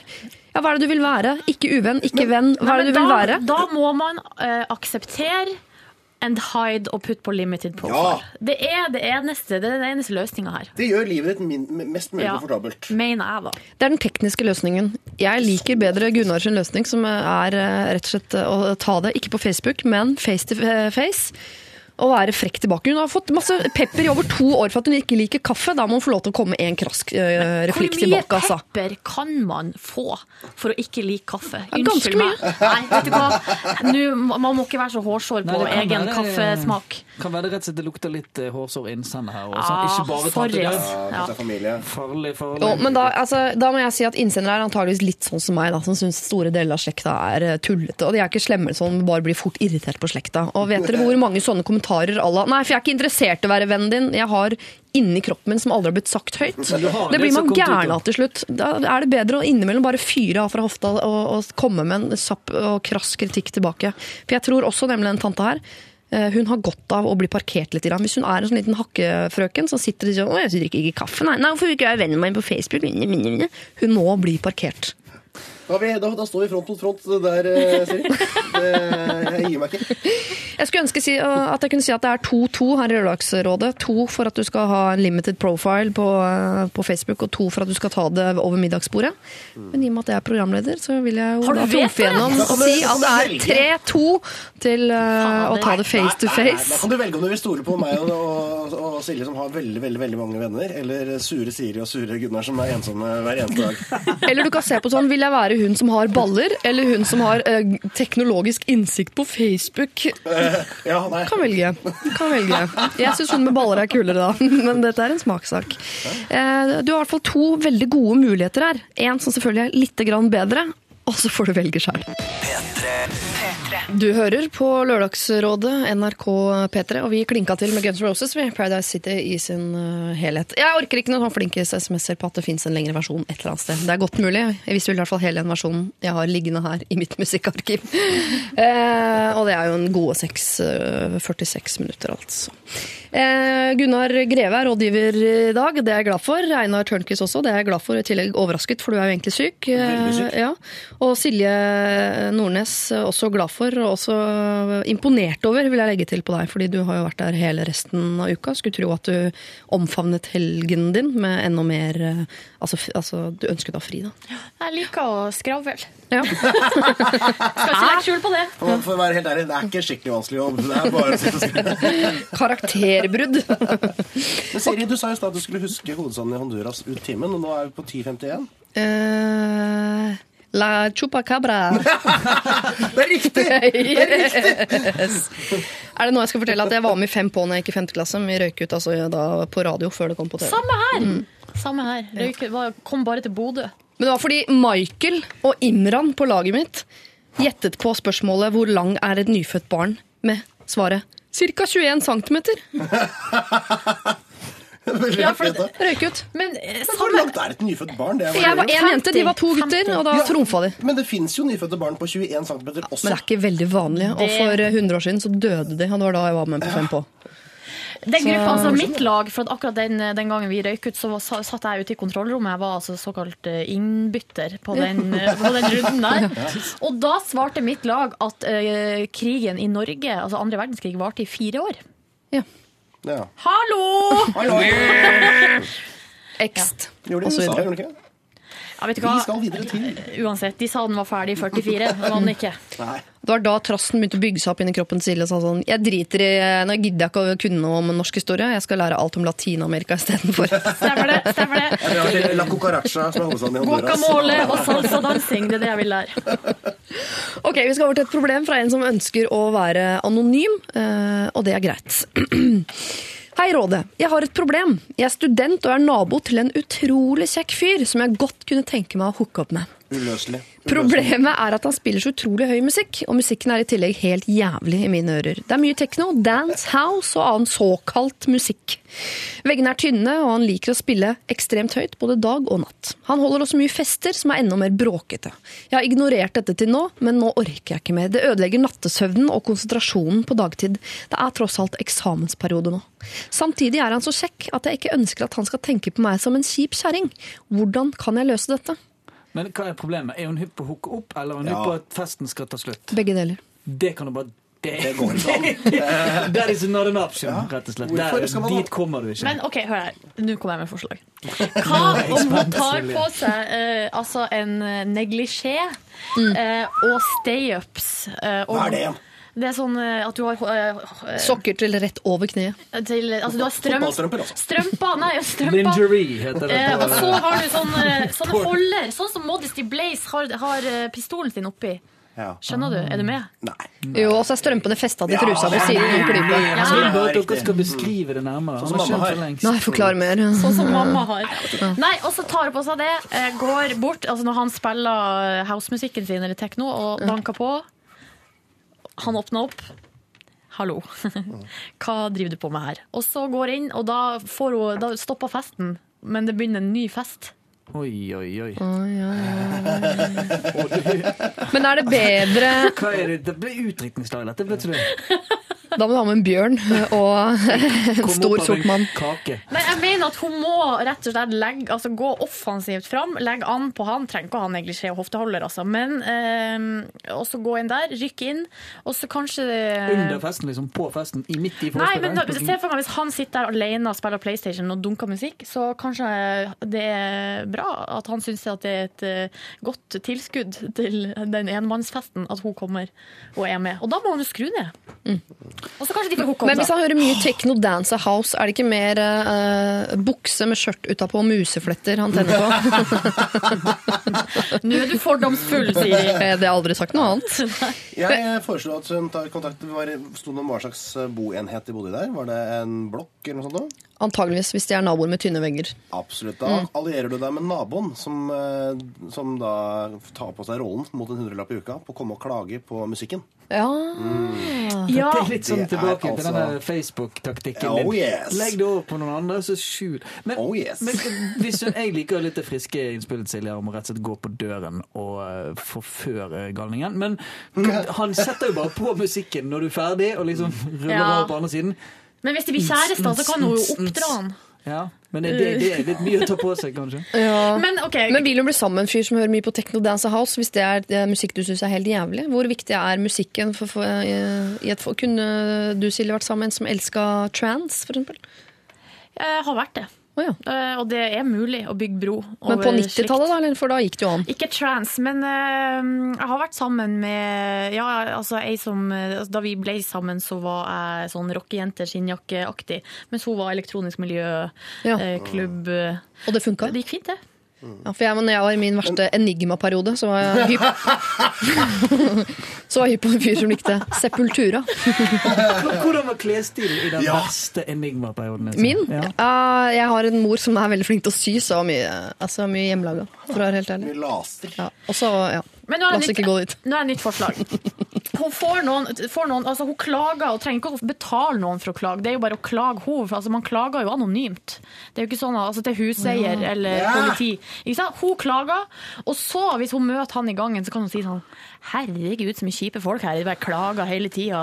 Tenk hvor kjipt hvis hun, hvis hun da er venn altså Han plutselig bestekompis med han som ikke liksom er bestyrer eller er tillitsvalgt i Ja. borettslaget. Tenk, å bli- tenk å bli fersket på at du Ja. faktisk gikk bak ryggen og klaget til borettslagsstyret. Da er du bare du er ikke bare den kjipe, du er den kjipeste i hele blokken på livstid. Han kommer til å spille så mye døv tekno Men- på 150 Han kommer fortsatt til å ha lyst til å gå til sengs med deg. For så enkle er vi. ja, for det har vi vært inne på før i dag. 31 etter en kvist. Tidligere i dag så har jeg vært inne på hvor enkle dere er, og det er deres ord, Einar og uh, Gunnar. Derfor spør jeg dere nå et kontrollspørsmål. Og det er, hvis hun går ned til eh, naboen eh, sin, uh, ikledd noe litt sexy, uh, og sier 'kan du skru ned musikken', hvilket inntrykk er sterkest? Det hun sier om musikken, eller det hun har på seg? hvis du skjønner. Spør. For det første er det viktig å understreke her at vi, Einar Tørnquist, Gunnar Geir, er representanter for dyrearten menn, og det er ikke oss spesifikt vi snakker om. Ja, ja, Sånn. ja.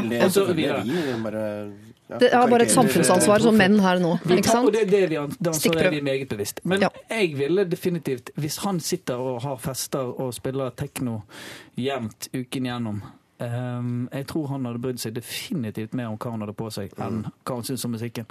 Så hun har mulighet til å gjøre begge deler. Si fra om musikken, men også eh, få seg en bete av naboen.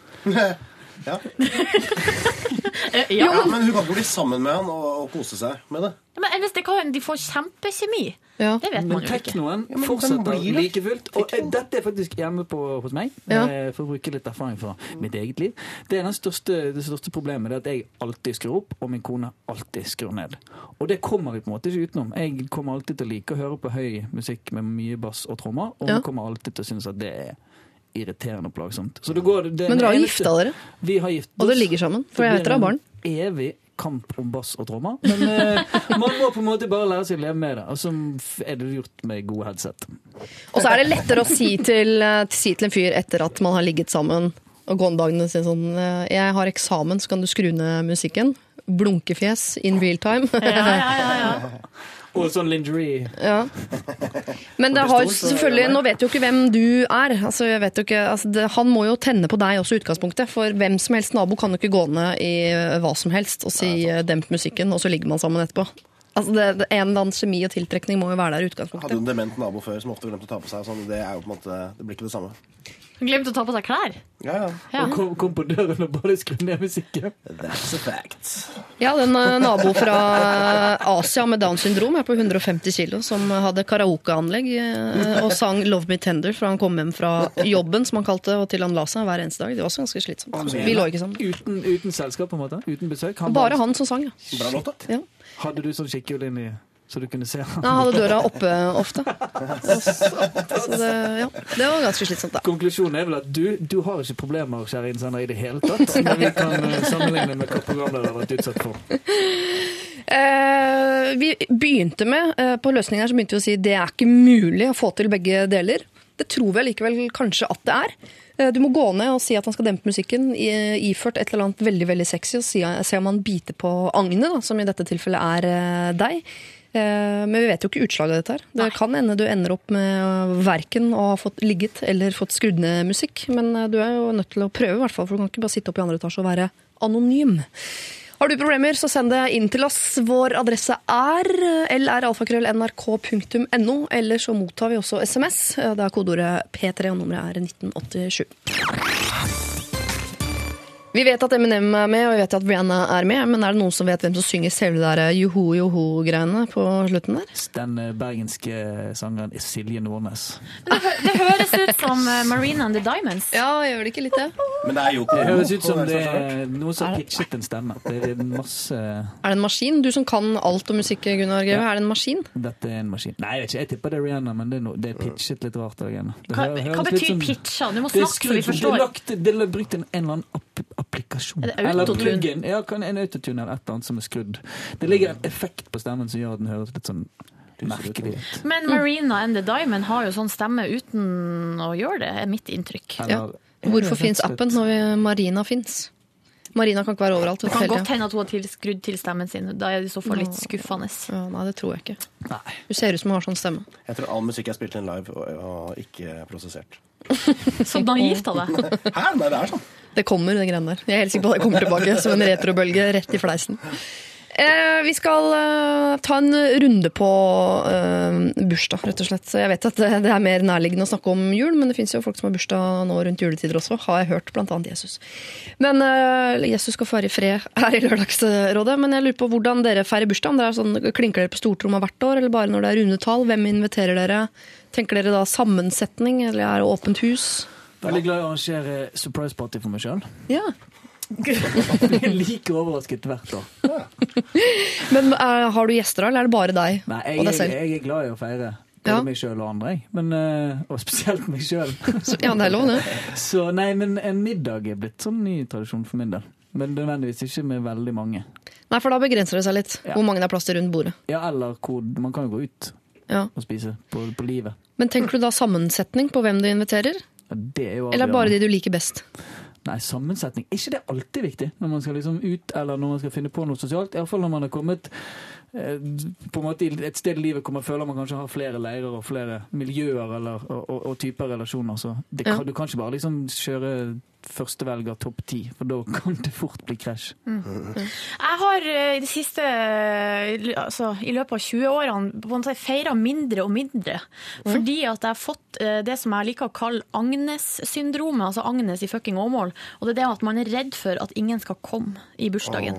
Ja. Kommer det liksom med alderen? Jeg trodde det var sånn man hadde når man var ung. Og Nei, sånn for da jeg var ung, da, altså. da var, gikk man f.eks. i en klasse, og da ble jeg invitert av hele klassen, og det var helt bankers, liksom. Så, men i år så, så, så to- har jeg tatt eh, grep. Jeg hadde bursdag for ei uke siden bare. Gratulerer med dagens år. Herlighet, så gøy! Takk for det! Takk for det! Jeg er 29 år! Oi! Og da, Så nydelig eh, og da tok jeg og eh, rett og slett planla litt på forhånd. eh, spurte hvem er det som kan. eh, Bestilte bord på restaurant. og, jeg, og det var kjempekoselig, liksom. Og prøvde å liksom bare senke skuldrene litt og være litt sånn Ikke være så eh, Ikke få sånn noia og være så emo. Jeg kan bli sånn emo på bursdagen min. Men du er sånn som reiser deg og holder tale for deg sjøl etter desserten og fire glass? Eh, nei, men jeg hadde en, altså en skål for eh, Ikke for meg sjøl, men for mine gode venner. Ja. Som hadde kommet. Og da kom det noen tårer Eh, nei, det gjorde vel ikke det. Jeg var litt skuffa, egentlig, for jeg hadde egentlig tenkt at det skulle bli litt rørende. Jeg fikk det ikke til.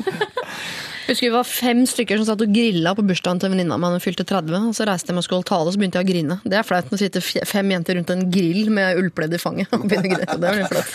Du griner lett, du. Ja, ja, nei, ja, ja. Men du er sånn som forbigår ting i stillhet. Du feirer ikke så mye, du sjøl. Jeg feirer bursdag.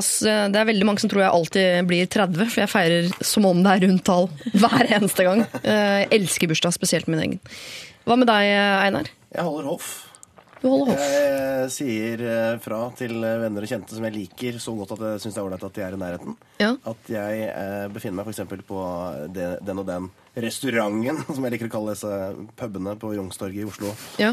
Eh, fra f.eks. klokka sju. Og så veit jeg at alle kommer jo ikke klokka sju, så da sikrer jeg meg med et par sikre stikk. Da er f.eks. Paul Hei, Paul. Han kommer veldig tidlig bestandig. Ja. Eh, og så kan vi to sitte og skravle. Så kommer folk og går litt sånn som det passer dem. Ja.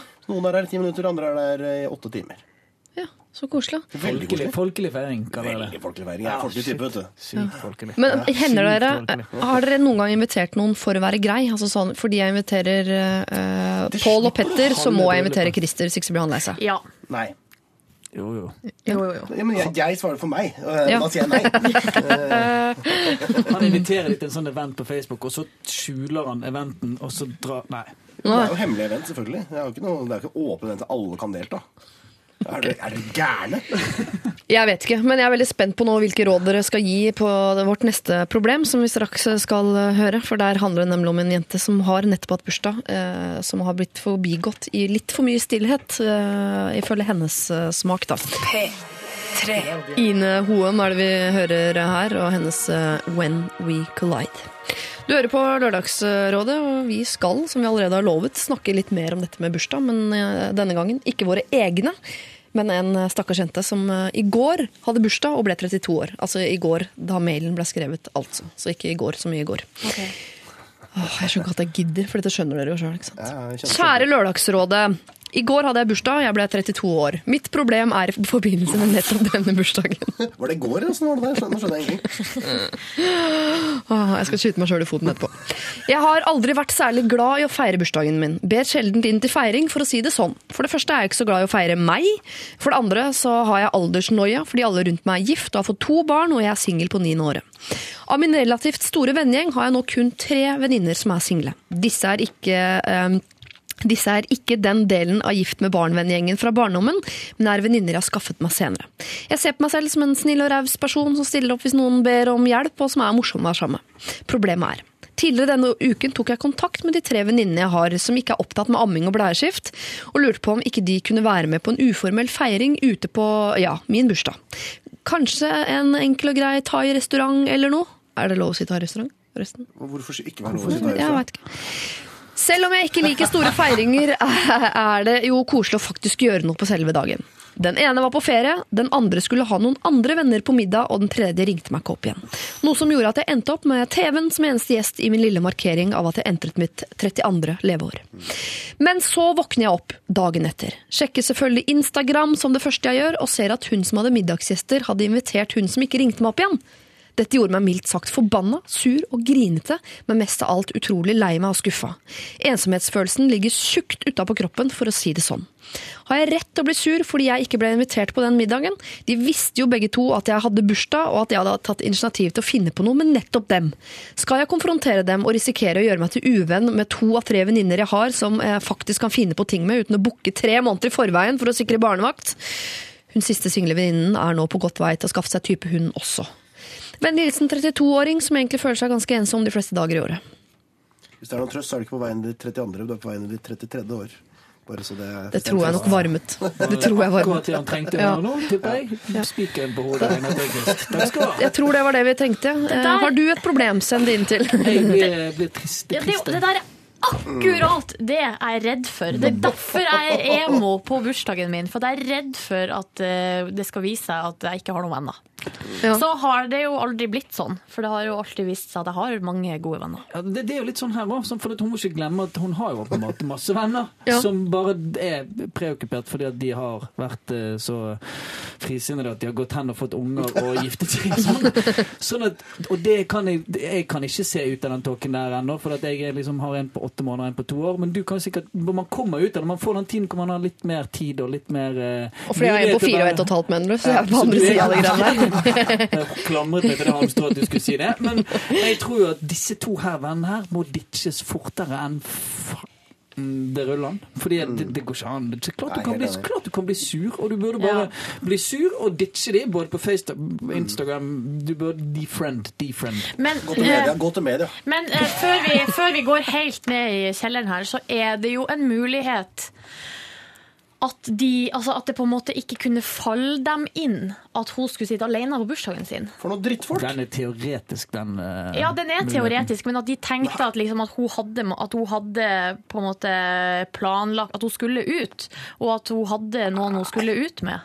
Nei. Men men kan være en nå, noe, kanskje. Da kjenner de jo hverandre dårlig, da, de vennene der. Ja, det er jeg enig i. Ja. Men jeg, nå kan det være jeg er ute og overanalyserer, her, men jeg får litt sånn inntrykk av at hun føler seg litt som den siste jenten i gjengen som er på å gå på byen og ut og feste og leve singellivet, mens resten kanskje trekker i, i retning av en kjedelig etablert A4-tilværelse. Ja. Så det kan jo være at disse to, til og med de singlevenninnene, hvis de blir bedt på, helg, bedt på byen hver helg av deg, så, så kjære innsender, så kanskje, kanskje det er rett og slett det at det, begynner, du begynner å, å, å se og føle konsekvensen av at folka rundt deg begynner å bli litt lei av å leve ungkarsliv. Du Ja, rista på ja, for kjære innsender. eh, det første skilsmisserushet kommer snart. Fra de ja. Slapp av, slapp av, det kommer.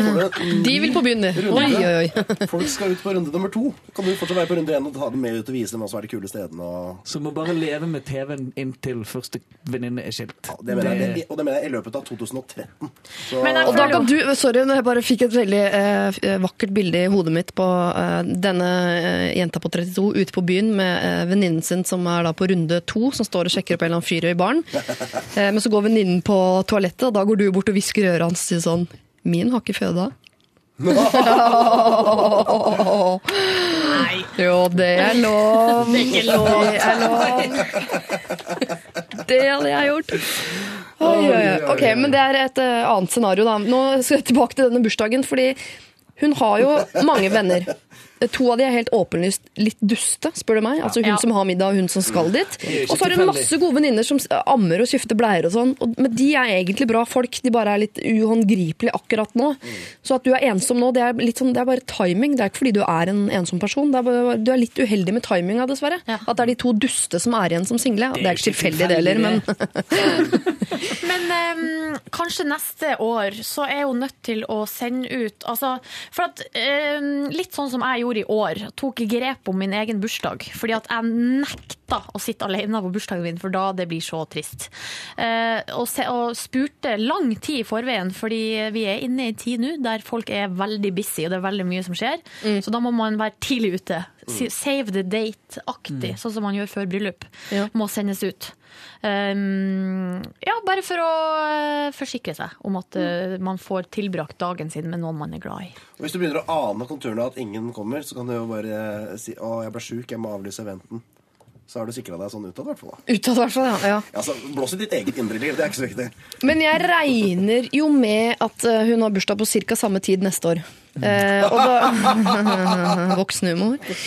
Og da kan hun jo, eh, i og med at hun legger til rette her for at det tar ca. tre måneder å booke noe som helst med de vennene som ammer og skifter bleie, ja, så si fra tre måneder før neste år da, til Ja. de gode vennene dine som eh, ammer og skifter bleie, som helt sikkert er sykt fysende gå på, til, til å gå på thairestaurant. Og så er det lov, er det lov å si, og det mener jeg, at eh, til vennene sine så kan man si jeg ble sittende alene på bursdagen min, og det var skikkelig kjipt. Ja. Fordi såpass åpen må man kunne være da. Hvis ikke du kan det, da er, da er det i alle fall de ditching. Ja. Og så vil jeg også si at hvis man har en venn som sender deg melding og spør om du vil være med han eller hun på bursdagen, Mm. eh, så eh, for det første så må man svare på den tekstmeldinga. Ja. Og for det andre, hvis man har en middag eller et eller annet, så kan man si eh, nei, sorry, jeg har eh, invitert eh, til middag. Du må gjerne join hvis du har lyst. Absolutt. Hvorfor gjør hun ikke det? Og Hvorfor på... den lille setninga der? Den er så lett. Hvem er den største drittsekken av de to? Hun som har middag, men ikke sier 'å ja, men du kan jo komme hit'? Eller hun som ikke svarer på tekstmelding? Nei, men hun som ikke svarer engang. Ja, men det er de to vi Jeg tenker at det er litt det for jeg tipper eller tror at de på et eller annet nivå har snakket om det. Eller liksom Helt sikkert. Ja, men vi er Helt sikkert. dit hvis du lar være. Hei, Ja, fy faen, altså. Ja. Og i hvert fall i den middagen. Sånn fikk du også invitasjon av, eh, Ja. til bursdag. Ja, jeg òg. Jeg har ikke svar. Altså, den samtalen har funnet sted. det, Det skal du være klar over. Mm. Og derfor så er det ditching av de to som gjelder, altså. Og så vente litt på. Men ditching som vi tar smygeren ut av det vennskapet? Eller for jeg mener nemlig, jeg syns vi er altfor dårlige på å ta den konfrontasjonen. For de to fortjener å høre høyt at de er drittfolk. Men de kommer mest sannsynlig ikke til å bli bedre av det.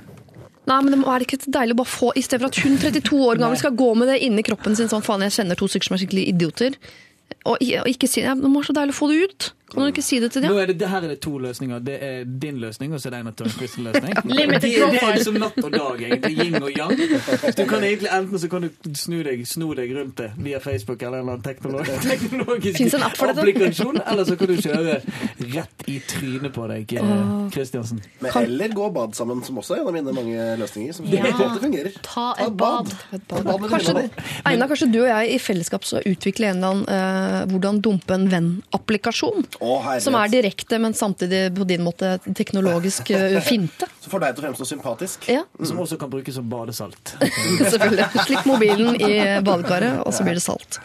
Ok, men eh, Hun spør om hun har rett til å bli sur og lei seg osv. Ja. Svaret på det er ja. Definitivt, ja. Ikke bare har rett Hvis ikke hun blir det, så blir faktisk jeg litt sint. ja. ja. Du må ta affære her, frøken. Hun spør, skal jeg konfrontere deg med å risikere å gjøre meg til uvenn? Ja. ja. Selvfølgelig kan du risikere å bli uvenn med to dustefolk.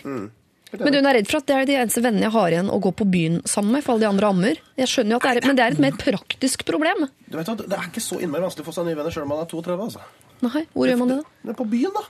Så gå alene på byen? Nei, men det går an å få sånn. En og annen gang så kommer disse barnefolka til å ha fri også. Ja, ja. Ja, er eller begynn i kor, bli frivillig i Røde Kors, gjør et eller annet.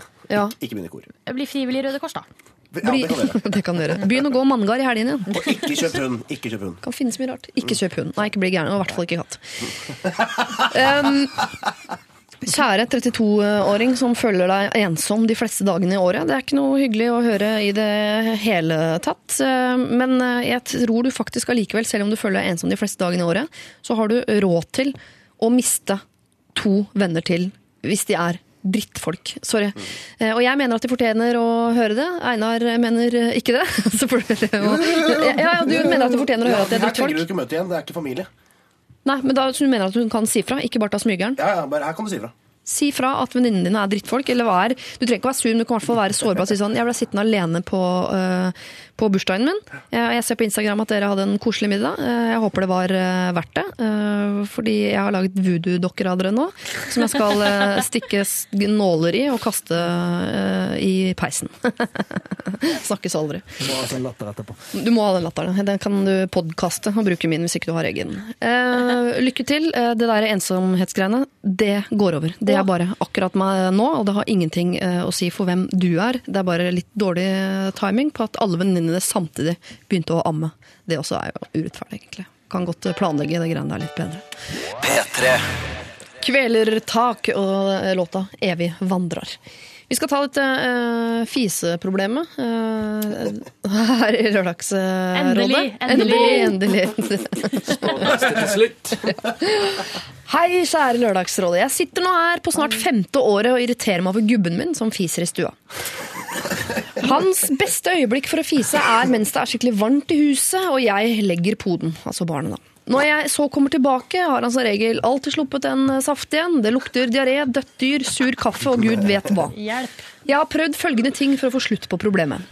Jeg har kjeftet høyt, ropt og fortalt hvor innerst inni i H stygt det lukter. Jeg har tatt en seriøs prat, sagt at det plager meg skikkelig, at jeg blir uvel, at jeg får lyst til å kaste opp, og om han ikke bare være så snill og kan slutte. Jeg har spurt hvorfor han føler denne trangen til å fortsette, og hva som er så vanskelig med å la være. Jeg har spurt han om han har problemer med magen, om han reagerer på matvarer, og jeg har bedt han gi meg én god grunn til hvorfor det er greit, og hvorfor han fortsetter når han åpenbart vet at det plager meg. Følgende ting skjer hver gang. Han ler. Hver gang gapskratter. Han fniser og syns dette er veldig veldig morsomt. Og så sier han at han skal slutte, men så fortsetter han allikevel. Nå vurderer jeg følgende. Skal jeg bruke opp alt varmtvann i dusjen når jeg vet at han skal dusje, for så være skikkelig ekkel mann og si 'jeg trodde du likte lukte, å lukte stygt'? Jeg tror det er sånn ja, dialekt. ja. Eh, skal jeg spise noe magen min ikke tåler, og fyre skikkelig opp i ovnen og slippe masse stygge fiser mens han slapper av på sofaen? Nei, sier jeg til det. Eh, skal jeg la være å skylle ned i do for å gjenskape lukten? Skal jeg fise under samleie? Skal jeg sende med sønnens morgenbæsjebleier i matboksen til gubben for å få gjenskape følelsen av å bli uvel? Skal jeg legge ut status på Facebook som henger han og hans indre dufter ut? Hjelp meg, jeg blir gal. PS. Nå så han mailen og ble svart flau og truet med å ta strømmen. He's going down. Jente 25. Jeg skjønner ikke hvorfor hun gidder å være anonym, da. For, altså, Men jeg liker jo det at hun, har, hun sender inn problemer, så har vi liksom egentlig bare kryss av A, B, C Altså Vi har Ja. egentlig fått eh, redegjort eh, for eh, alternativene. Men jeg vil velge none of the above. Eh, gå ut og Altså Det verste han For det første så tror jeg ikke han helt skjønner at hun mener det alvorlig. Hvis han ler og Det er litt sånn Einar Tørnquist. Hvordan ville du respondert hvis damene kom og sa at du måtte slutte å fise? Sant? Ja. Og så hadde jeg ikke trodd at hun mente det sånn på og Kanskje jeg trodde litt sånn, sånn, sånn eh, flørte... Flørting? Flørtekjekling. ja. Uh, sånn at eh, du må iallfall sørge for at han er 100% innforstått med at du mener at dette er et generelt problem. ja. Og så eh, kan jo det være et triks å ta dette med ut i vennegjengen. Ikke Facebook, det blir det sånn offentlig mobbing. Men hvis du kommer med noen sånn litt sånn kjipe kommentarer om hans fising og fiselukt Ja. i på en måte alles påhør med en under vennemiddag, eller Da tror jeg det kan være effektivt for å sette stopper for. Jeg tror Hvis dette blir tatt opp under en eh, middag, dette med hans fising, så tror jeg reaksjonen også da vil bli ja, akkurat det der. Ja. Men hvis det lukter altså så jævlig, så tror jeg man må ta en titt på om det er noe laktoseintoleranse eller glutenallergi ute og går. du angriper problemet på. Ja, altså. fordi, eh, altså, for det skal ikke lukte død og diaré. Lukten er bare symptomet på problemet. vet du. Ja. Det, er, det han putter inn, må også ut. Så Ja. det er der vi må Hva heter den sykdommen du har igjen? Krons. Kanskje han har Crohns? Så det kan hende. Ja. Ja. Ja, selvfølgelig. Men uh, han jeg syns det var veldig bra forslag det med å ikke trekke ned etter seg i do. For det, det er ikke noe morsomt. Men det blir, det blir jo bare Men du rynket på nesen og så uh, fiser under samme. Da ble du litt skeptisk. ja, for det er ikke så gøy. Men jeg syns jo det at hun har vært så vidt kreativ i på en måte uh, alternativ eh, redegjøre for alternativer som vi kan velge mellom. Så det vitner om at hun har en uh, Hun her tror jeg kan liksom heller bruke den kreativiteten til å, til å uh, ta litt rotter på hans eh, glede. Eller den gleden han finner i å ligge og fise på sofaen. Dette eh, slår meg som et morsomt par. Det må jeg få lov å si. Ja, Altså, det- det I bunn og grunn et kult par.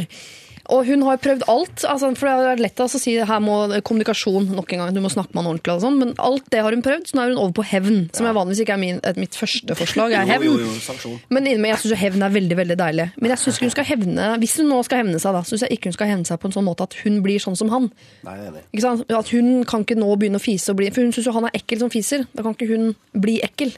Hun må øh, hevne seg på en annen måte. Kan dere få på noe luktelys og litt røkelse og noe sånt? Eller en sånn spray. Ja. Eh, altså, når, hun, når hun skal gå og legge Eller for det første, kan ikke han gå og legge den ungen, så kan hun ligge på sofaen og fise. Når de har fyra i ovnen og det er godt og varmt. Ja. Kanskje du legger ungen i dag, Kjerne, så kan jeg ligge og fise på sofaen. Ja. Eventuelt gå, altså, eh, lukke opp vinduet i stua, fyr duftlys, og så gå og legge ungen. Så kan han ligge der og fise så mye han bare vil. Slipp i hvert fall at det lukter død i stua når han kommer tilbake. Ja, for synes Når hun spør om sånn, hvorfor føler han trangen til å fortsette, altså det er enten så har han fis som ut, eller så har han det ikke. Det er ikke sånn at Han kan ikke ligge og fremprovosere fising. Det går ikke. Men det er jo rart at det alltid blir mer av det når det er varmt i huset. Altså Det høres jo unektelig ut som en veldig rar Nei, eh, det lukter bare det merkes bedre, tror jeg. Ok, Dette kan jeg for lite om, merker jeg. jeg er en, vernepleier. eh, Har du noe eh, fisekompetanse? Nei, men jeg har kjørt langt i varm bil og sånn. Ja. Det Ja, ja. Ja, det er klart På sommeren og sånn, når vinduene står åpne og verandadøra står åpen og det er gjennomtrekk, så vil det jo ikke merkes så godt Nei. at han ligger der og fiser. Det er mye spisskompetanse på fising her, merker jeg. Eh, Men det er jo når, eh, når eh, peisen er tent og alle vinduene er igjen, og det er hermetisk lukka i stua, da blir det, det det blir enda eklere òg. Ikke bare fordi lukta blir mer altså, tydelig, men det blir eklere for det er, sånn, det er så koselig stemning. Men så er det den i tillegg. Det blir så innmari ekkelt. Men vi, Hvordan skal vi få han til å slutte? Vi må Nei, helt, konkret få et eller annet forslag på bordet. Hvordan få han til å slutte med det her? hennes forslag er best. Ikke trekk ned i do. Ikke trekke ned i do. Nei, fy fader, altså. Det, er Det der blir en det ond sirkel. Åh, Det var fis, og fis, og så, og så bæsj. Ja. Nei, vet du hva, det var eh, den Fight fire with uh, skikkelig mye fire.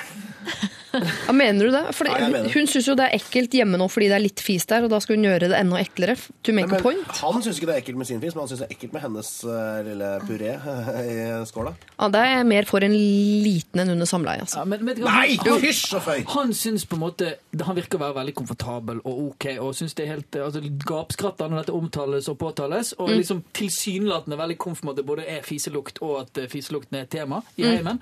Jeg har en sånn ganske klar fornemmelse av at han syns ikke det er like fett hvis det på en måte eh, kringkastes utenfor de, husets fire vegger. Og hvis han syns det er så greit, så kan hun ta litt sånn Jeg tror de har kommentarene eh, ja, med Gode venners lag. svigers, Gode venners lag. Ja. Svigerforeldre, det er alt. Det er benkers, liksom. Sitte og passe på så ikke du fiser nå, Håkon. Det er liksom det, altså, Jeg syns hun skal være litt sånn Tror det er Mette-Marit som sendte en Han syns jo det er litt flaut, i og med at han venter jo til hun går ut av rommet for å legge barnet.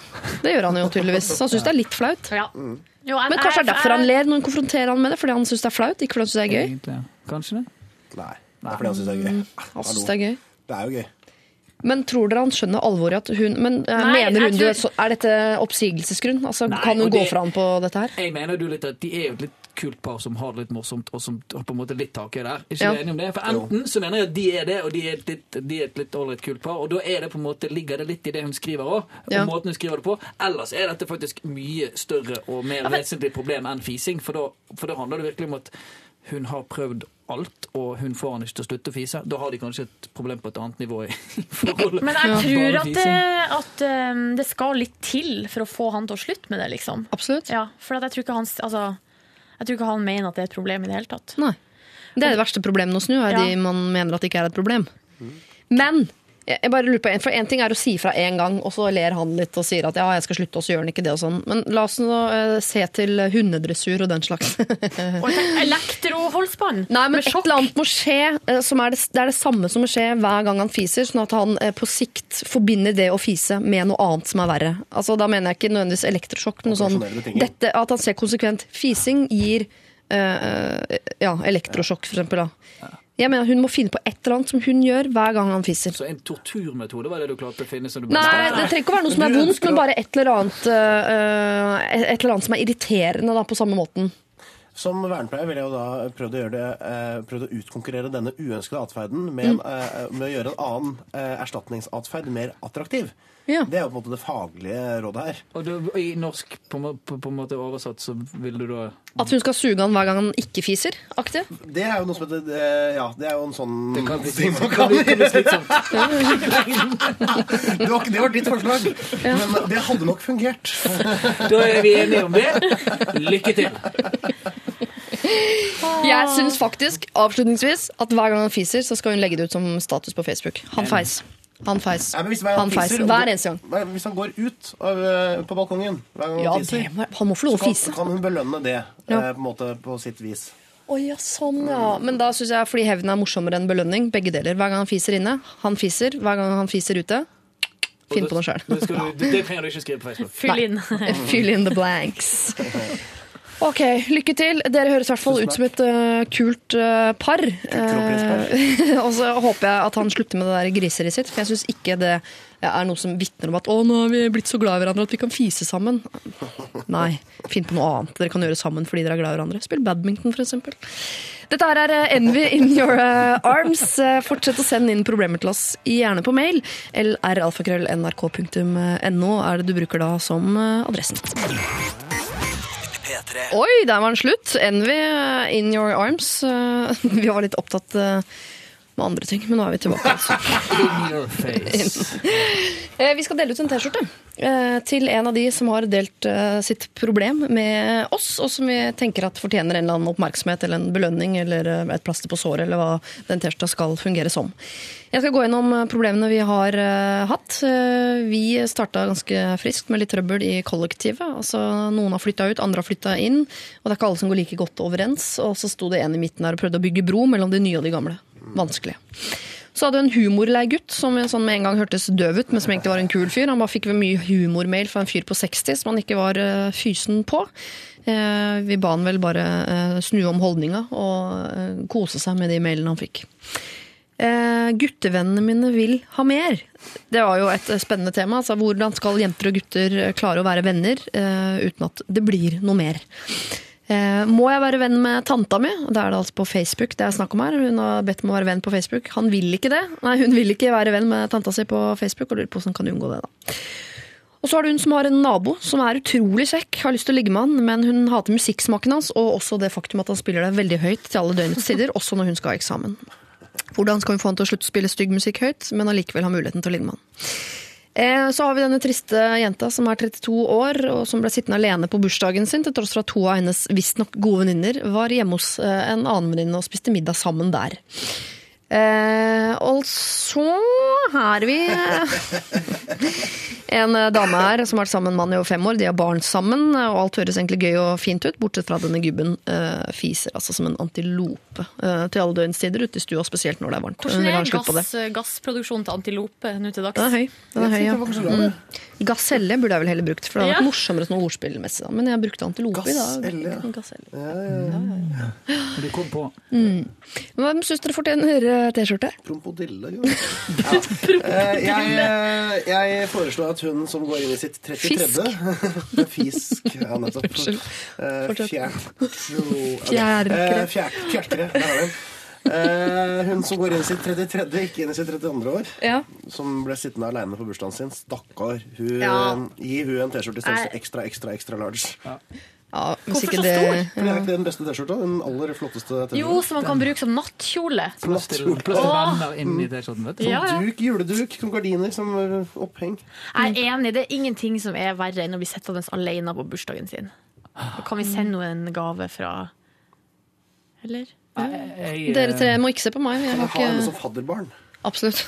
Hun fortjener definitivt en T-skjorte, men vi trenger å få brukt den til noe. Eh, kåt eksamenslesende student med teknonabo får denne T-skjorten, for da å kunne gå iført utelukkende en Lørdagsrådet-T-skjorte. Ned, ringe på døren og si «Tch, jeg har fått et sykt godt råd.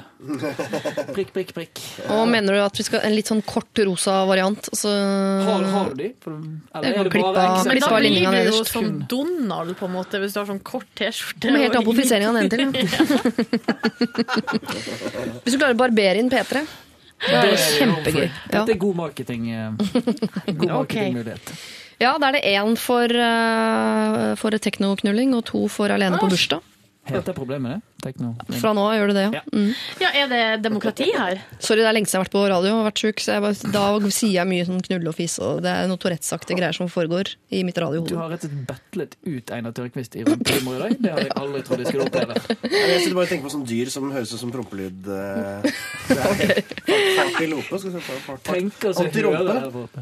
Gunnar, er du villig til å bli med over på laget til Silje og. Einar på T-skjorteutgivning? Ja, for vi gir oss ikke. Nei. Dere står på Eller? deres. Nei. Nei. Einar begynner å ta opp instrumenter. Da runder jeg av med å si gratulerer til eh, deg. Du har fått en, eh, en T-skjorte som plasser på uh, såret. Og jeg håper jo da, innen den T-skjorta har kommet deg i hende, så har du to venner mindre. Selv om det høres trist ut når du i utgangspunktet er ensom, da. Tusen takk til Einar og Gunnar og Silje for at dere var rådgivere i dag. Jeg har kost meg altså i hjel. Samme her! Hør flere podkaster på nrk.no podkast.